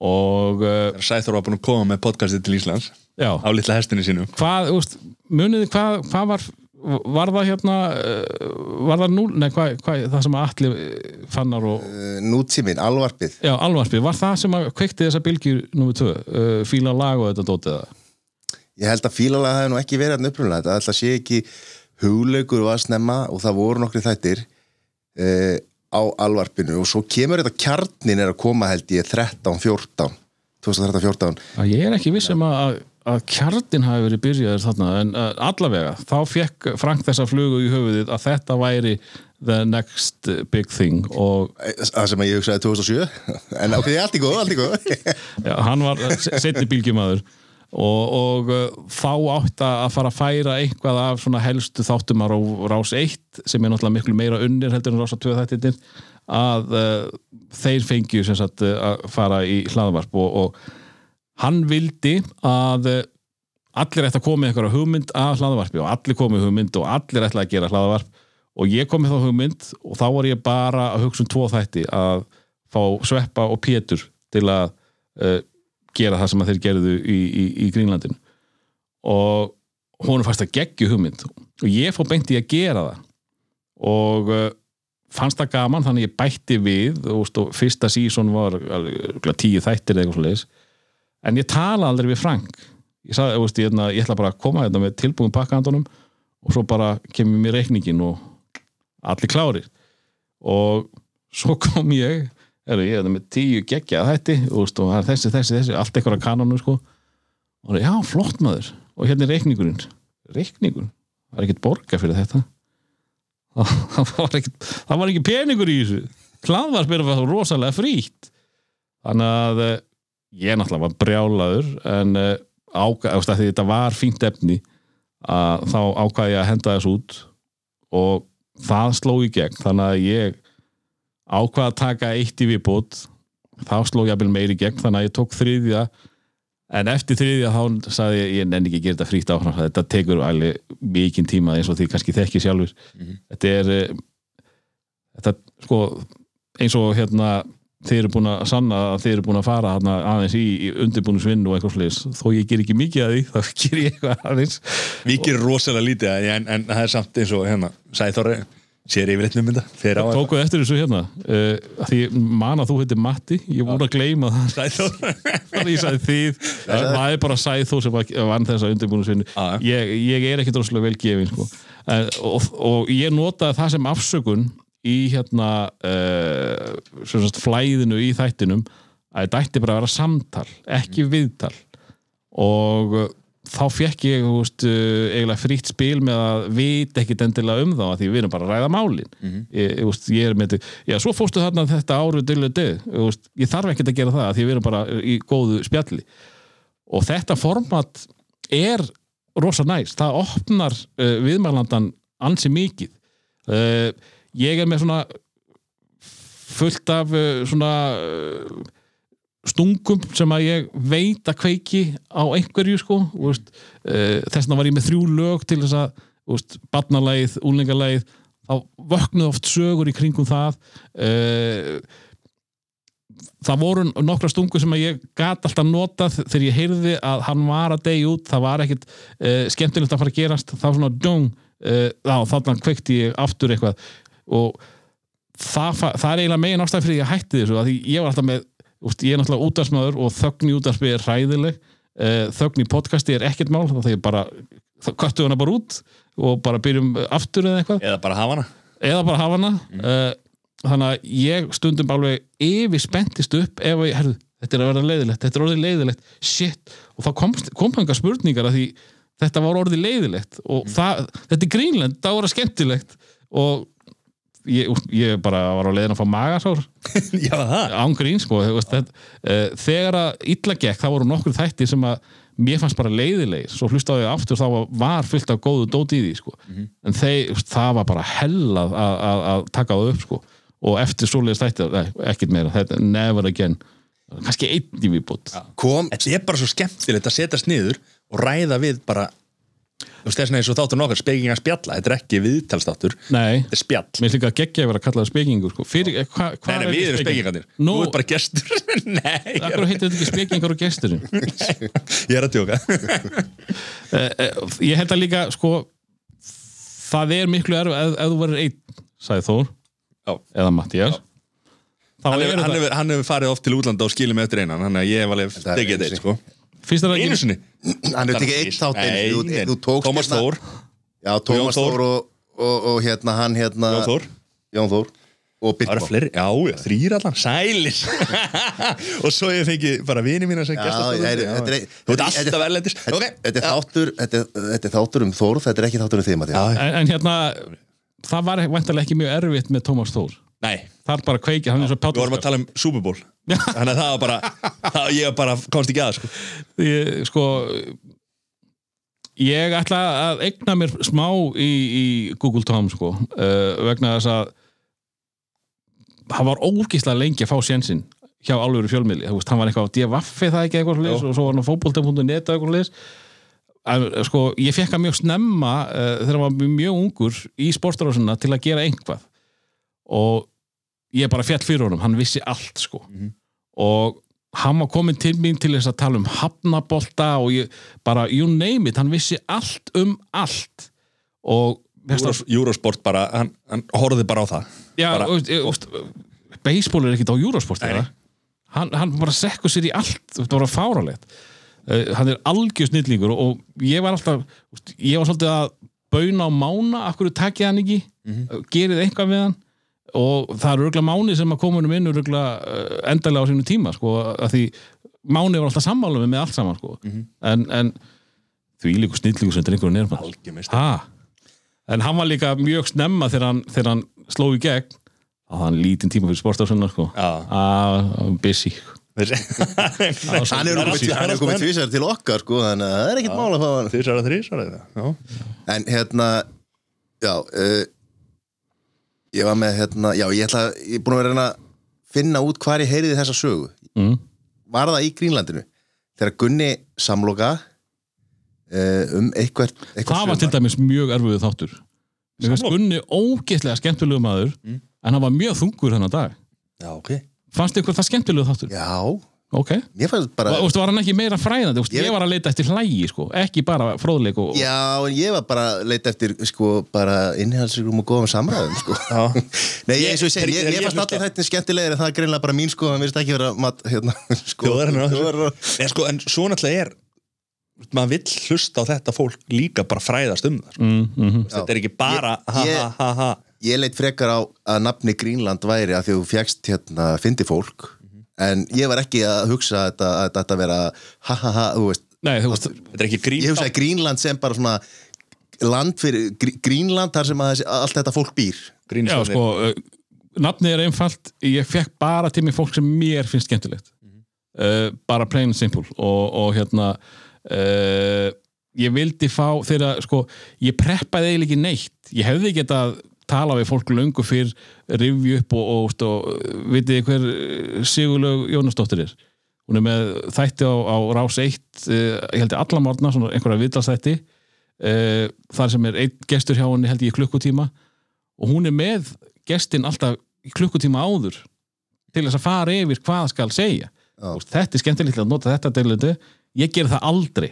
Bara eins og við gerum hérna eh, við tókum, við tókum, við tókum fimm mínútur. Já, já. En, en hérna mér finnst hitt kannski vera svindl. Ég vil fá þetta bara beint að belvinni sko. Það er eins og, höf- það er eins og okkar þáttur það það var eins og við hugsaum, við hugsaum þetta ekki sem viðlars þáttur þó að þetta kannski stundum komi einhvern veginn þannig út en þetta á að vera spjall, það er í nafninu spengaspjalla og hvað er ég þá spekingur, segir þú. Uh. Þú ert uh, spekingur um íslenska útvarsögu, Ok, okay, það er communication og, og Sætt, hérna, að útvarp hafi verið í mokkahöllinu veist, veist alltaf byggingarna og hann að kofin hann að koma inn að Lofgúru og, og það er líka það sem er fannst gott hérna þó að ég sko að því að við erum ekki svona vanir eins og þú. Þess vegna að þarf ég að vita einhverja punta þarna und, undirbúið okkur eitthvað. En, en mér finnst þetta skemmtilega skemmtilegasta formatið ymmit að bara spjalla, koma staðið í bara já, varst að gera þetta? Já, já. Uh, mér finnst þetta mjög gaman sem við erum að gera núna. En í leiðinni hugsaði hver í fjandanum úti hefði einhvern áhuga að, hver er ennþá að hlusta á þetta shit? Það er Það er það er Hættu þá bara að hlusta og takk til næsta þátt ef þú hefur ekki gaman að þessu. Á, Akkur er við þá að halda áfram? Okkur er alveg sama. Við hefum bara gaman að tala um þið skil það er ekki, greiðir ekki samband en, en hérna, sko, mér langar rétt að því þú, þú átt að til, Sæþór þú voru að þetta hjá þér að þú gleymir spurningunni þinni, þú varst með spurningu hérna áðan og þú er greinlega búin að fara frá henni. Svo byrjið þið að bladra og en, en mér langar samt að segja ykkur sko, með Grínlandið eina sem ég sagði við fólk hérna eh, ég ætla að sko, en eh, endilega rifið upp skemmtilega sögur að sjálfu ykkur, eh, og fólk í kringum ykkur. Og það var það eina sem að ég bað um og uh, náttúrulega Greenland kom strax vegna þess að ég ætlaði bara að tala við Pétur og, og, og Sveppa. Það var kannski einnig viðbót, ég man það ekki. En, en hérna, þú varst að spyrja um Gunnar Samlóku, hvað var það? já. Uh, þegar hann eitthvað Sástu hvað, ég, er búin að taka þetta yfir. Ég er búin að taka þetta yfir. Lilla reynsla. 30 ára reynslu, sko. Hann er bara með 100 podcast Við erum bara búin með 94 sko. Að hann hafi sem sagt, verið að vinna á rúf og það var sumar og kannski ekkit rosalega margir að manna græjunar þannig að hann fór uh, bjóð til sett í sjónvarpinu og eftir Kastljós að þá setti hann til þátt, hann var einn, hann var á græjunum ítt á rekk, fekk einhverja viðmælendur var búinn að setja einhverja stóla saman. Svo á föstaskvöldi þá, þá gerði hann það sjónvarstátt á rúf í einhver, Ég fór bara á netið? Nei, sem fór bara í beina Strax eftir Strax Strax eftir Kastljós. og hérna, Fattar- svo, bara var viðmældur af því að það var enginn á græjunum sko, og svo bara stóð hann bara upp til þess að fara og slökku á og setja á auðlýsingar sko. kom þetta ekki í Grínlandinu sagði hann þess að sögum einhvers þar annars þar Eh, Ég held að þetta sé geggjulega að segja sko. Það, er eru 7000 manns að vinna þarna sko. það er ekki séns að hann geti bara verið einn með ok, Eftir- eitt hann, hann, hefur, hann hefur sagt þess að nei, hlustiði eftir Kastljós sem er kannski flagskip rúf getur við sagt. Ég hef aldrei hótt þetta er svipað á Íslandi í dag nema bara alvörunni. Uh, hérna að- að að Gunni bara, herðu, íti á rekk dittiritiri, ég ætla að vera þú veist, þetta er á, á primetime ég efa að þetta sé satt en, en ef svo er Hvernig, hvernig varstu svona mikið hérna? Liðið Nei, nei, nei, nei, nei skemma- fyrirtækja skemma góðar Fyrirtækja hérna ah, skemmti þessu, þetta er Company mjög góð Company minded maður. Ég hef alltaf verið það. Ég var alveg rosalega pró uh, EU uh, hvort, já, það var EU fyrst svo var það Norðurljós og 365 uh, hvort ég var að vera farið þegar 365 byrjaði þá, þá var rúf mesta drasli í heimi sko. en 365, það er algjör drasli í dag sko, en það er það ekki til. En sín er fínt, Sín er fínt. Sín er fínt En, rúf er best. Rúf er langbest sko. Hvernig er að, munurinn að vera að vinna fyrir sagt það var meira fyllir í á 365 á ekki sagt þér það strax. Er þetta ekki rosa Er, hvað er, hvað er búin að vera lengi í rúf? uh, þetta er 11 árið. Búin að vera mikið breyting á öllu árum? Já, náttúrulega breytist rosalega mikið þegar Magnús Geir kom sko. Þá var þetta bara allt annað fyrirtæki og, uh, maður var kannski ég segi ekki að ég hef verið með sér skrifstofu en þetta var miklu meira hólfað og, og núna er bara allir í einni kös og úst rás 2 og, og rás 1 á sama stað. Og þið getið ímyndað okkur það að, að hérna, úst, Gummi Páls, Andri, e, ég að reyna að vera rosa fyndnir á meðan að Rás 1 er kannski að reyna að undirbúa næsta jazztátt er kannski ekki alveg hrifið af þeim látum sem að geta skapast í kringum krakkana á Rástöð Þannig að nú er einhvern veginn allir með öllum og þetta er einhvern veginn mjög opið þarna upp á en, en sko en, ég var rosa mótið þessu, ég er alltaf á mótið öllum breytingum, ég hata breytingar en uh, það, mér finnst þetta fínt sko ég væri samt alveg til að fá meira næði uh, fyrir okkar læti en uh, þetta er, mér finnst þetta bara flott sko. Ég, ég er bara mjög ánægð með stöðun eins og hann er núna sko. og þú Þú náttúrulega vilt bara fara með Jóngnar og Sigurinn Kjartarsinni og, og, og Pétur Jóni Já, og, Inn í og grínkeppni þetta var sko þeir stóðu þarna uh, Pétur og Jón og sko ef þeir fengur hlátur þá æstist þeir allir upp sko. Ég sá aðlegum hláturinn en Sigur Jón var allan tíman að pikka eitthvað. Hann pakka- pikka svo fast á tölvuna þetta var sem sagt uh, hérna uh, hljóð, hljóðið í, í kringum mig veist, ég og og í, í þrjá fjóra mánuði. Það Og var hvað var það að skrifa eitthvað? Nei, hann var hann var náttúrulega dagskrárstjórin uh, Jón var uh, dagskrárstýran uh, þeir, þeir voru alltaf sko mamma og pappi Já. og það eina sem að Jón gerði var að skrifa það var hrósbref ég man ekki hvað hann kallaði hérna skammabrefin en þetta fannst honum ógeðslega gaman. Það var einu skipti sem hann fór í tölvuna. Það var að skrifa hrósbref handa uh, starfsmönnum eða skamma þá fyrir eitthvað. Já. svipa og þeir eru alltaf að hóta að senda einhver bréf á, útvarsráð núna sko. En er þá þeir tveir voru, eru þeir svolítið þá eins og, eins og þegar þú og Pétur voru saman Já, Jón er svolítið Sigurjón er miklu Pétur. sko.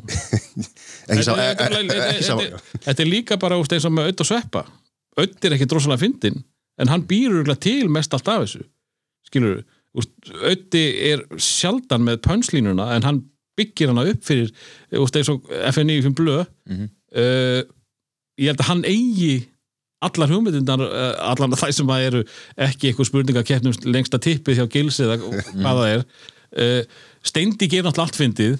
Gilsi er mjög sniðugur. Hann er ekki svona haha-fyndin en stælandir hans eru mjög sniðugir. En ég held að öddi sé heilin yfir þessu öllu saman sko.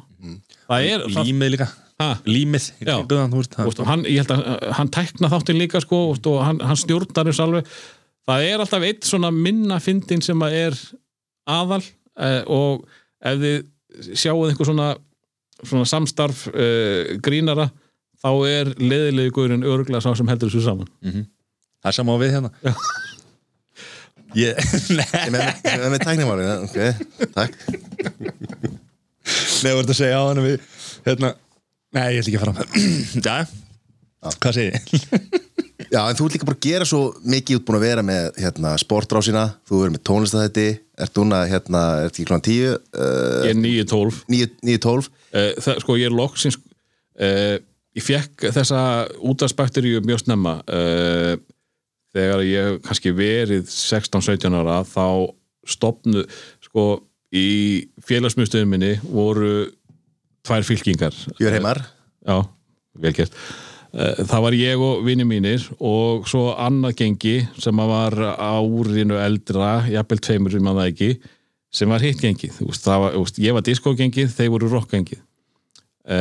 En þeir voru miklu svona framtaksamari uh, og hluti af þeim pluss eitthvað eldra lið stopnuðu útastöð á sögunirum sem hétt Brosið. Og mér var ekki búið að vera með. Og ég var fokkin brjálaður sko. ég er miklu betri því allir til samans hugsaði ég sko. Að því þeir voru ofta að banka upp að hjá ömmu og, og fá lánaða plötur hjá mér til að, að taka upp á eitthvað að því ég vissi að ég myndi aldrei lána það sjálfur.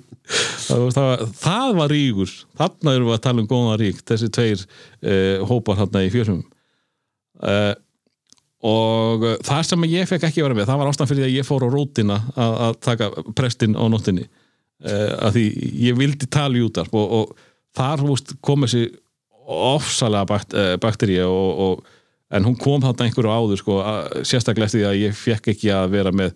Og líka bara þegar maður heyrði að þegar Rástöð byrjaði þá er ég 12-13 ára eða eitthvað. Og ég heyrði að fólk var bara að fá fullt borga fyrir að tala í útarpið og hlusta og spila einhver skemmtileg lög. Það var bara búm, strax eitthvað sem að mér langaði í. Og ég, ég gleymi því aldrei uh, uh, mamma var eitthvað til að tala um mig. Og, og mér finnst mamma ekki skemmtileg uh, hún sagði hérna sko hvað ætlar að verða stórum stór? Ég bara, það veit ég ekki. Ég, sko þú getur verið hvað sem er allt í heiminum. Og þá sagði ég bara það sem ég langaði að vera. Mér langaði að vera útasmaður og, og, og popstjarna. Ekki allt kannski sagði ég. Veist, og, hérna Og hvað ertu núna? ég er Útvarpsmaður og- poppstjarna í, í eitt ár. En, en hérna uh, það, það, þetta satt svolítið lengi í mér sko að því að uh, hún svona opnaði, þú getur hvað sem er nema þetta sem þú vilt vera. Þannig að úst, þá einsetti ég mér svolítið að, að vera allan útasmaður úst, uh, popstjarna er, er, er kannski svolítið skrítið hugtak sko, hver er popstjarna fyrir utan Bó og, og Birgittur Páll Óskar. Já og herra sér nýttur, við getum haldið á. Já, og þú sýndir henni maður þegar hún mættir í gula galanum heldur betur. Og uh, hún sagði mér mér sér sko að hún var svolítið ána með þetta og hann, hann langaði í plötu. Og ég hef aldrei gefið henni plötu. Hún fór á Napster maður og náði í þetta þar. Þegar að deildu byrjaði munið til því? Já, Aldrei fara hana deildu er að fyrsta sem ég sá var plata mín. Já, virkilega ánaði með það. Já, Þú græðir ekki því? A- aðeins högg- högg- högga buttuna þinn. E, það var, það var löngu eftir að hún var í sölu sko, platan kemur úr 2004 sko. Já, hvað er deildu, tíu ára gamalt eða? Ekki á mynd Er það ekki lengra? já, ég þekki það ekki, sko. ég hef aldrei farað þarna heldur. Ok. En e- e- erum við búin að erum við þá hérna núna búin að afskrifa hérna aðra seríu af Greenland? Er ekki þrjú þá? Show, ég er- show me the money. Já, ég, sko, miða við sko, áður en þetta fór á Spotify ég komst bara að því um daginn þá var ég að hérna, skoða hvað eh, sko, ég hef rosalega gaman að tónlistar uh, hérna og, en ég á rosalega erfitt með að finna eitthvað sem er mér skemmtilegt. Þegar ég finn, finn það þá bara, úst, þá er það bara best í heimi. Og ég fór inn á top 50 listan hérna heima og sá að Greenland er ennþá á top 50 og mér fannst það svolítið magnað því að það er ekki komið þáttur í tvö ár held ég. Og þegar að sko Greenlandi fór á Spotify þá var það með eitthvað í kringum 300.000 download sko. Þannig að úst, það er allir búin að heyra sem vilja heyra þetta sétt það er sem sagt ennþá fólk að hlusta á þetta. Þá svona hugsaði ég aðeins, ætti ég? En ég, ég nenni því ekki. Hver eru eftir? Eða veist hvað? Það er sko úst, ég á marga eftir, ég ætla ekki að gefa Nei, Nei, veist, hérna, ég þarf náttúrulega að taka náttúrulega uh, helst konur jafn mikið og kalla og uh, ég ætla definitílega að taka sölku. Af því þó hún sé ekki gömul þá er hún ógeðslega skemmtileg og kann að segja ógeðslega margar góða sögur. Uh, einhvað af ykkar viðmælundum uh, það eru bara orðslega mörg grínlönd í gangi í dag. Þó þetta sé ekki alveg nákvæmlega formatið. Uh, mér langaði rosalega í magaskefing en ég bara, úst, hann er ekki beint grínari og ég held mig bara við grínara lengi vel. Uh, en úst, ég var að til að fá magaskefing það sem að hann er bara að tala um skemmtilega hluti sko. uh, úst, sagan hans er svo merkileg að uh, hann er búin að gefa ykkur góðu og slæmu hlutina en hann er kannski ekki endilega að pikka upp þegar hann prumpaði á sig fyrir framann sigga eða eitthvað. En það er ógæslega gaman í, í, í Grínlandi en mér finnst svolítið að það eru svolítið mörg svona Grínland í gangi þannig að ég held að Grínland uh, per se þurfi ekkit lengur að lifa sko. Já, við tökum veskið eftir og Greenland 3 verður þetta bókastöðinni, ég held að það sé nokkuð ljóst. Það er Grínland fjögur. Það Nákvæmlega er fjögur, Það er að kaupa bara Serju þrjú á- kaupum upp samningin í rúmaður og... Fyrir bara að kaupa rúpa Nei, veist, ég, mér bæði langar það en ég nenni því ekki uh, að því ég veit að uh, þeir sem að ég hef í huga eru til í það og ég veit af mörgum geggjum sögum frá þeim sem að ég er með í huga sem að þeir sko ég veit ekki af því að eh, sko formatið mitt er ekkit rosalega öðruvís en það sem að þið er að gera akkurat núna en uh, þið er samt ekkit endilega benda, byggja mig um að segja frá því fyndnasta sem gerist þarna eða bla bla bla, þið er bara meira að kynast sögunni en uh, greinilega þegar maður byður um eitthvað sniðut sem gerðist og maður ma næra ít á réttu takkana þá kemur eitthvað meira, meira fynd og uh, í, leiðinni fær maður að kynast þeim en núna eru bara allir bara búin að kynast öllum sko. þannig að nú er eiginlega bara grínið eftir sko. En af hverju má þetta ekki, nú veistu mikið um, um tónlist og íþróttir, af hverju mátt ekki taka íþróttamenn og fara þá í íþrótta uh, ég, ég má það alveg, ég bara nenni því ekki sko. ég, ég ætla að fara í tónland líka sko. og uh, ég er með marga tilbúna þar uh, Kjartan Guðmundsson var með uh, veit ég hvað það er uh, hann var með hérna á rás 1 einn og einn held ég eitthvað slið sem var eiginlega bara íþrótta uh, podcast sko úst, fekk uh, til dæmis frikka held ég Pétur Guðmundsson, Kóriboltamann og, og Atla Eðvalds, þú veist, var með hörku fína þætti sem var bara hann að taka svona einn og einn á, á svo gaura sko, sem var þá meira bara saga, ekkert grín en það er, þú veist, þetta er eiginlega alltaf að verða að sama podcastinu sko, bara nú þurfa menn að fara að finna upp uh, nýtt hjóli í þessu að því þessir gestir flakka á milli podcasta sko, veist, er ekki Logi búin að fara í öll podcastin til, hann, hann kom til mín í, í gleymdar perlur áttunar sem var einhver 80s lög sem eru gleymd sem að honum finnst merkileg. Veist, ég, ég hef með tvær serjur á því sko, það var sem sagt 80s og 90s og uh, ég náttúrulega þar ég vil fá náttúrulega loga í, í Greenland en, en úst, þar líka fann ég marga fína viðmælendur sem að voru bara að nördast í tónlist en mist út úr sér einstaka sögur sem að væru geggjaðir í, í Greenland sko, uh, sem að ef maður myndi bara formata það bara á, á, á, á gleði. Þannig að eins og ég segi það við erum það lítið þjóða að ég veit ekki þessi pláss fyrir Greenland lengur sko. Samkvæmt tölunum, ég meina, samkvæmt hérna, Já, þá er það úst, það sem er búið en síðan, sko, það eru tvö ár síðan og síðan er, er podcasti búið að springa út sko, veist, það er allir með podcast og fremdiðra líka. Og uh, hvaða podcast sem er frendið með? Mig? Hjálmar er fremdið minn. Hæ, hæ. Eh, Hérna svo er líka annað mér langar óslega að hlusta á Hjama og, og, og hérna uh, Klasen, heitir hann það ekki? Helgi en ég nenni því ekki ég nenni ekki að byrja og ég er ekki sem ég nenni að hlusta á þennan en, en sko. Nei, þú veist að þetta- er ekki, þetta er ekki saga, sko, þú getur bara byrjað í næsta, síðasta þætti, sko. Já, ég er, ég er gamall ég er, ég er herra línuleg dagskrá sko Við komumst að því á það var ekki bylgja, hann var ekki til á að flytta út á land sko. Nei, ég, ég, ég, hérna, ég var erfitt með að útskýra nákvæmlega hvað ég er að meina. En eh, þegar ég byrja einhver þá vil ég helst klára það. Sama þó mér finnst það hundliðilegt og, og, og, þess vegna hef ég svona aðeins fjarlægst uh, podcastið að því þau eru oftast löng þetta er alveg að verða ansi land sko.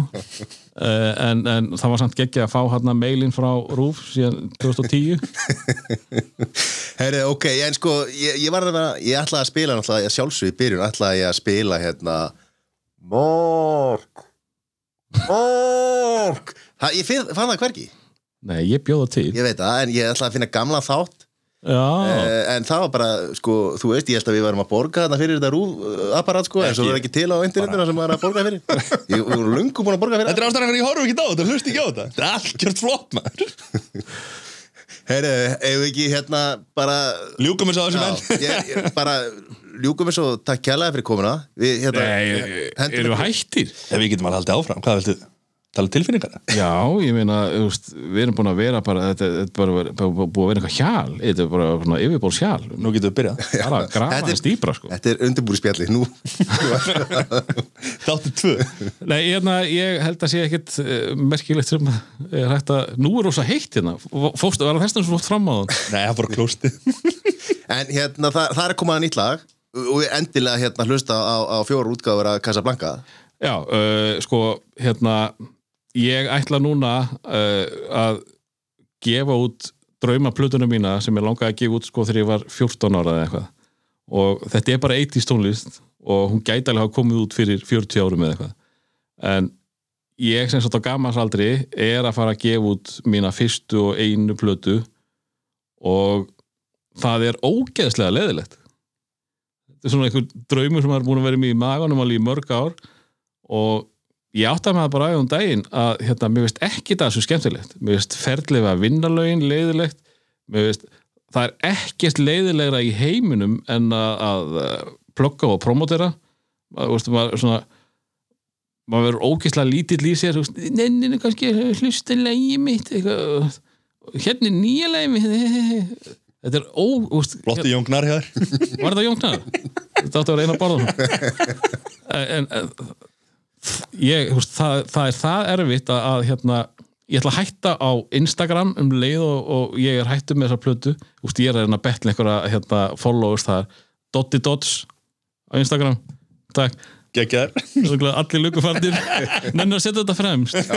Dotti Dots Eh, en hérna, sko ég skil ekki af hverju fólk nennir að búa til tónlist í dag, það er engin peningur í þessu nema og sérst herra hnettismjör og það er örgulega lítill peningur í honum að því það er ekkert að gera en, en hérna uh, það, uh, kannski ferli betra hjá þeim að því þeir eru kannski í einhverjum hóp, ég er alveg aðleitt skilur í þessu og, og hérna og vera að betla fólkum að hlusta á þetta, þetta er, þetta er ógeðislega leðilegt maður. Þetta er alltaf, þetta er alltaf Ertu að taka þetta upp Nei, eða? nei Þetta var, bara, nei, er þetta svona leiðilegt ert komin í síman? nei. Ertu í sneik? ekki, Ég get ekki tjá mig um þetta mál.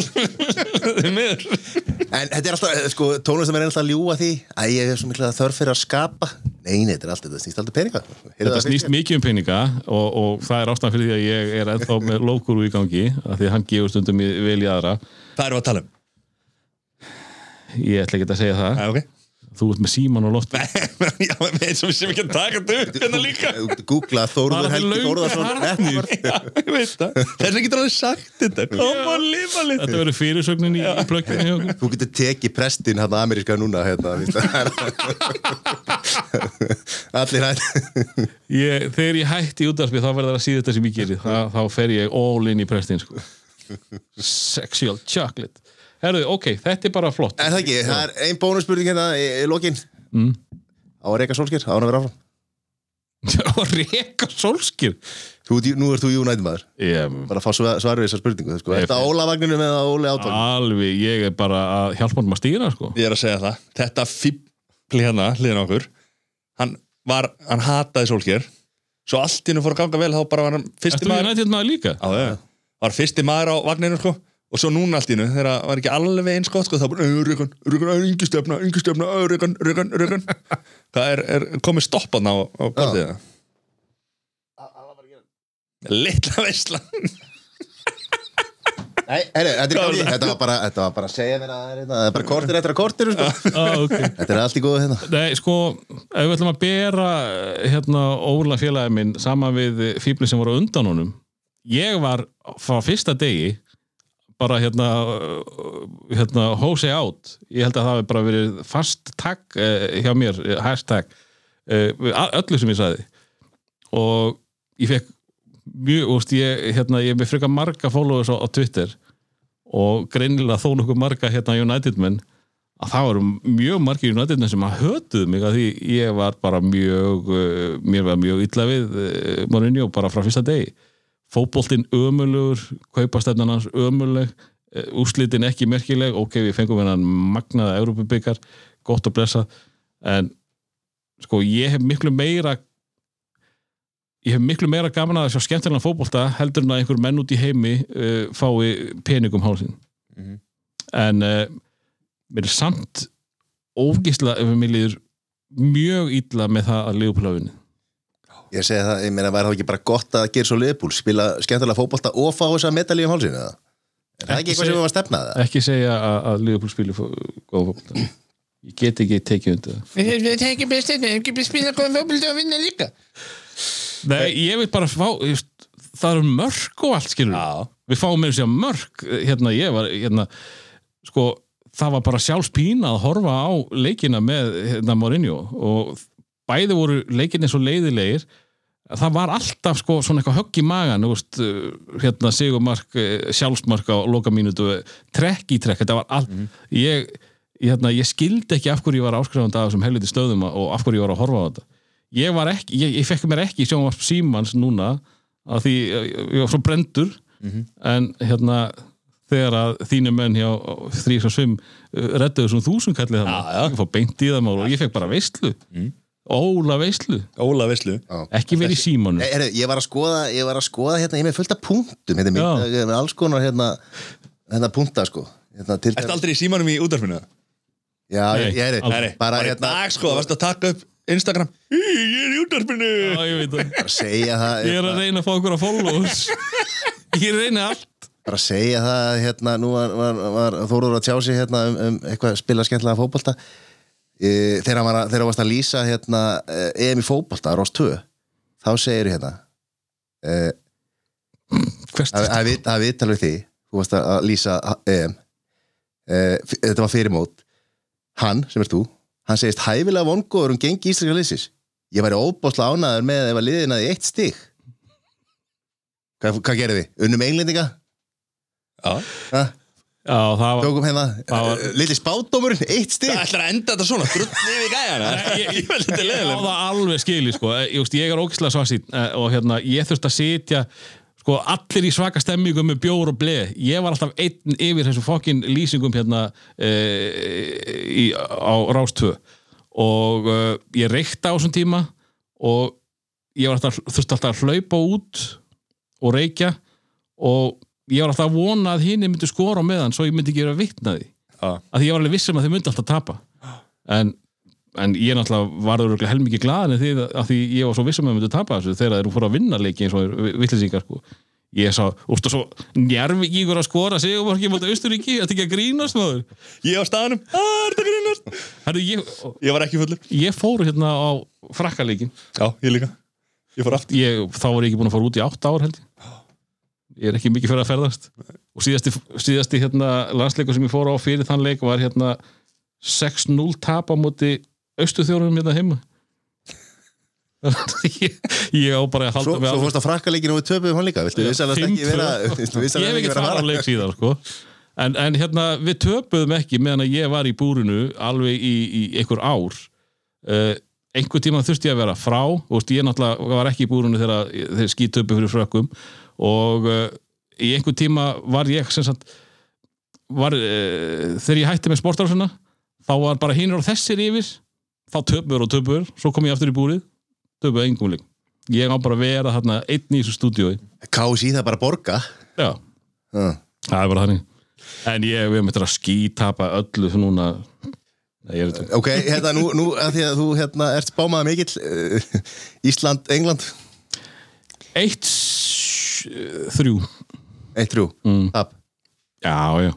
Ég meina hver er að gera góða hluti í íslenska, lið Harry Maguire, hann er bara í fangelsi í Greiklandi já, já, en hann var bara að bjarga uh, sýstu sinni sem að menn alltaf að nöðgóð drepa Já, já, þetta var eitthvað svona í stæmi sko. Við, við hérna einhver- sendum kveðu til fjölskyldur Maguire fjölskyldunar sem er mættilega að hlusta.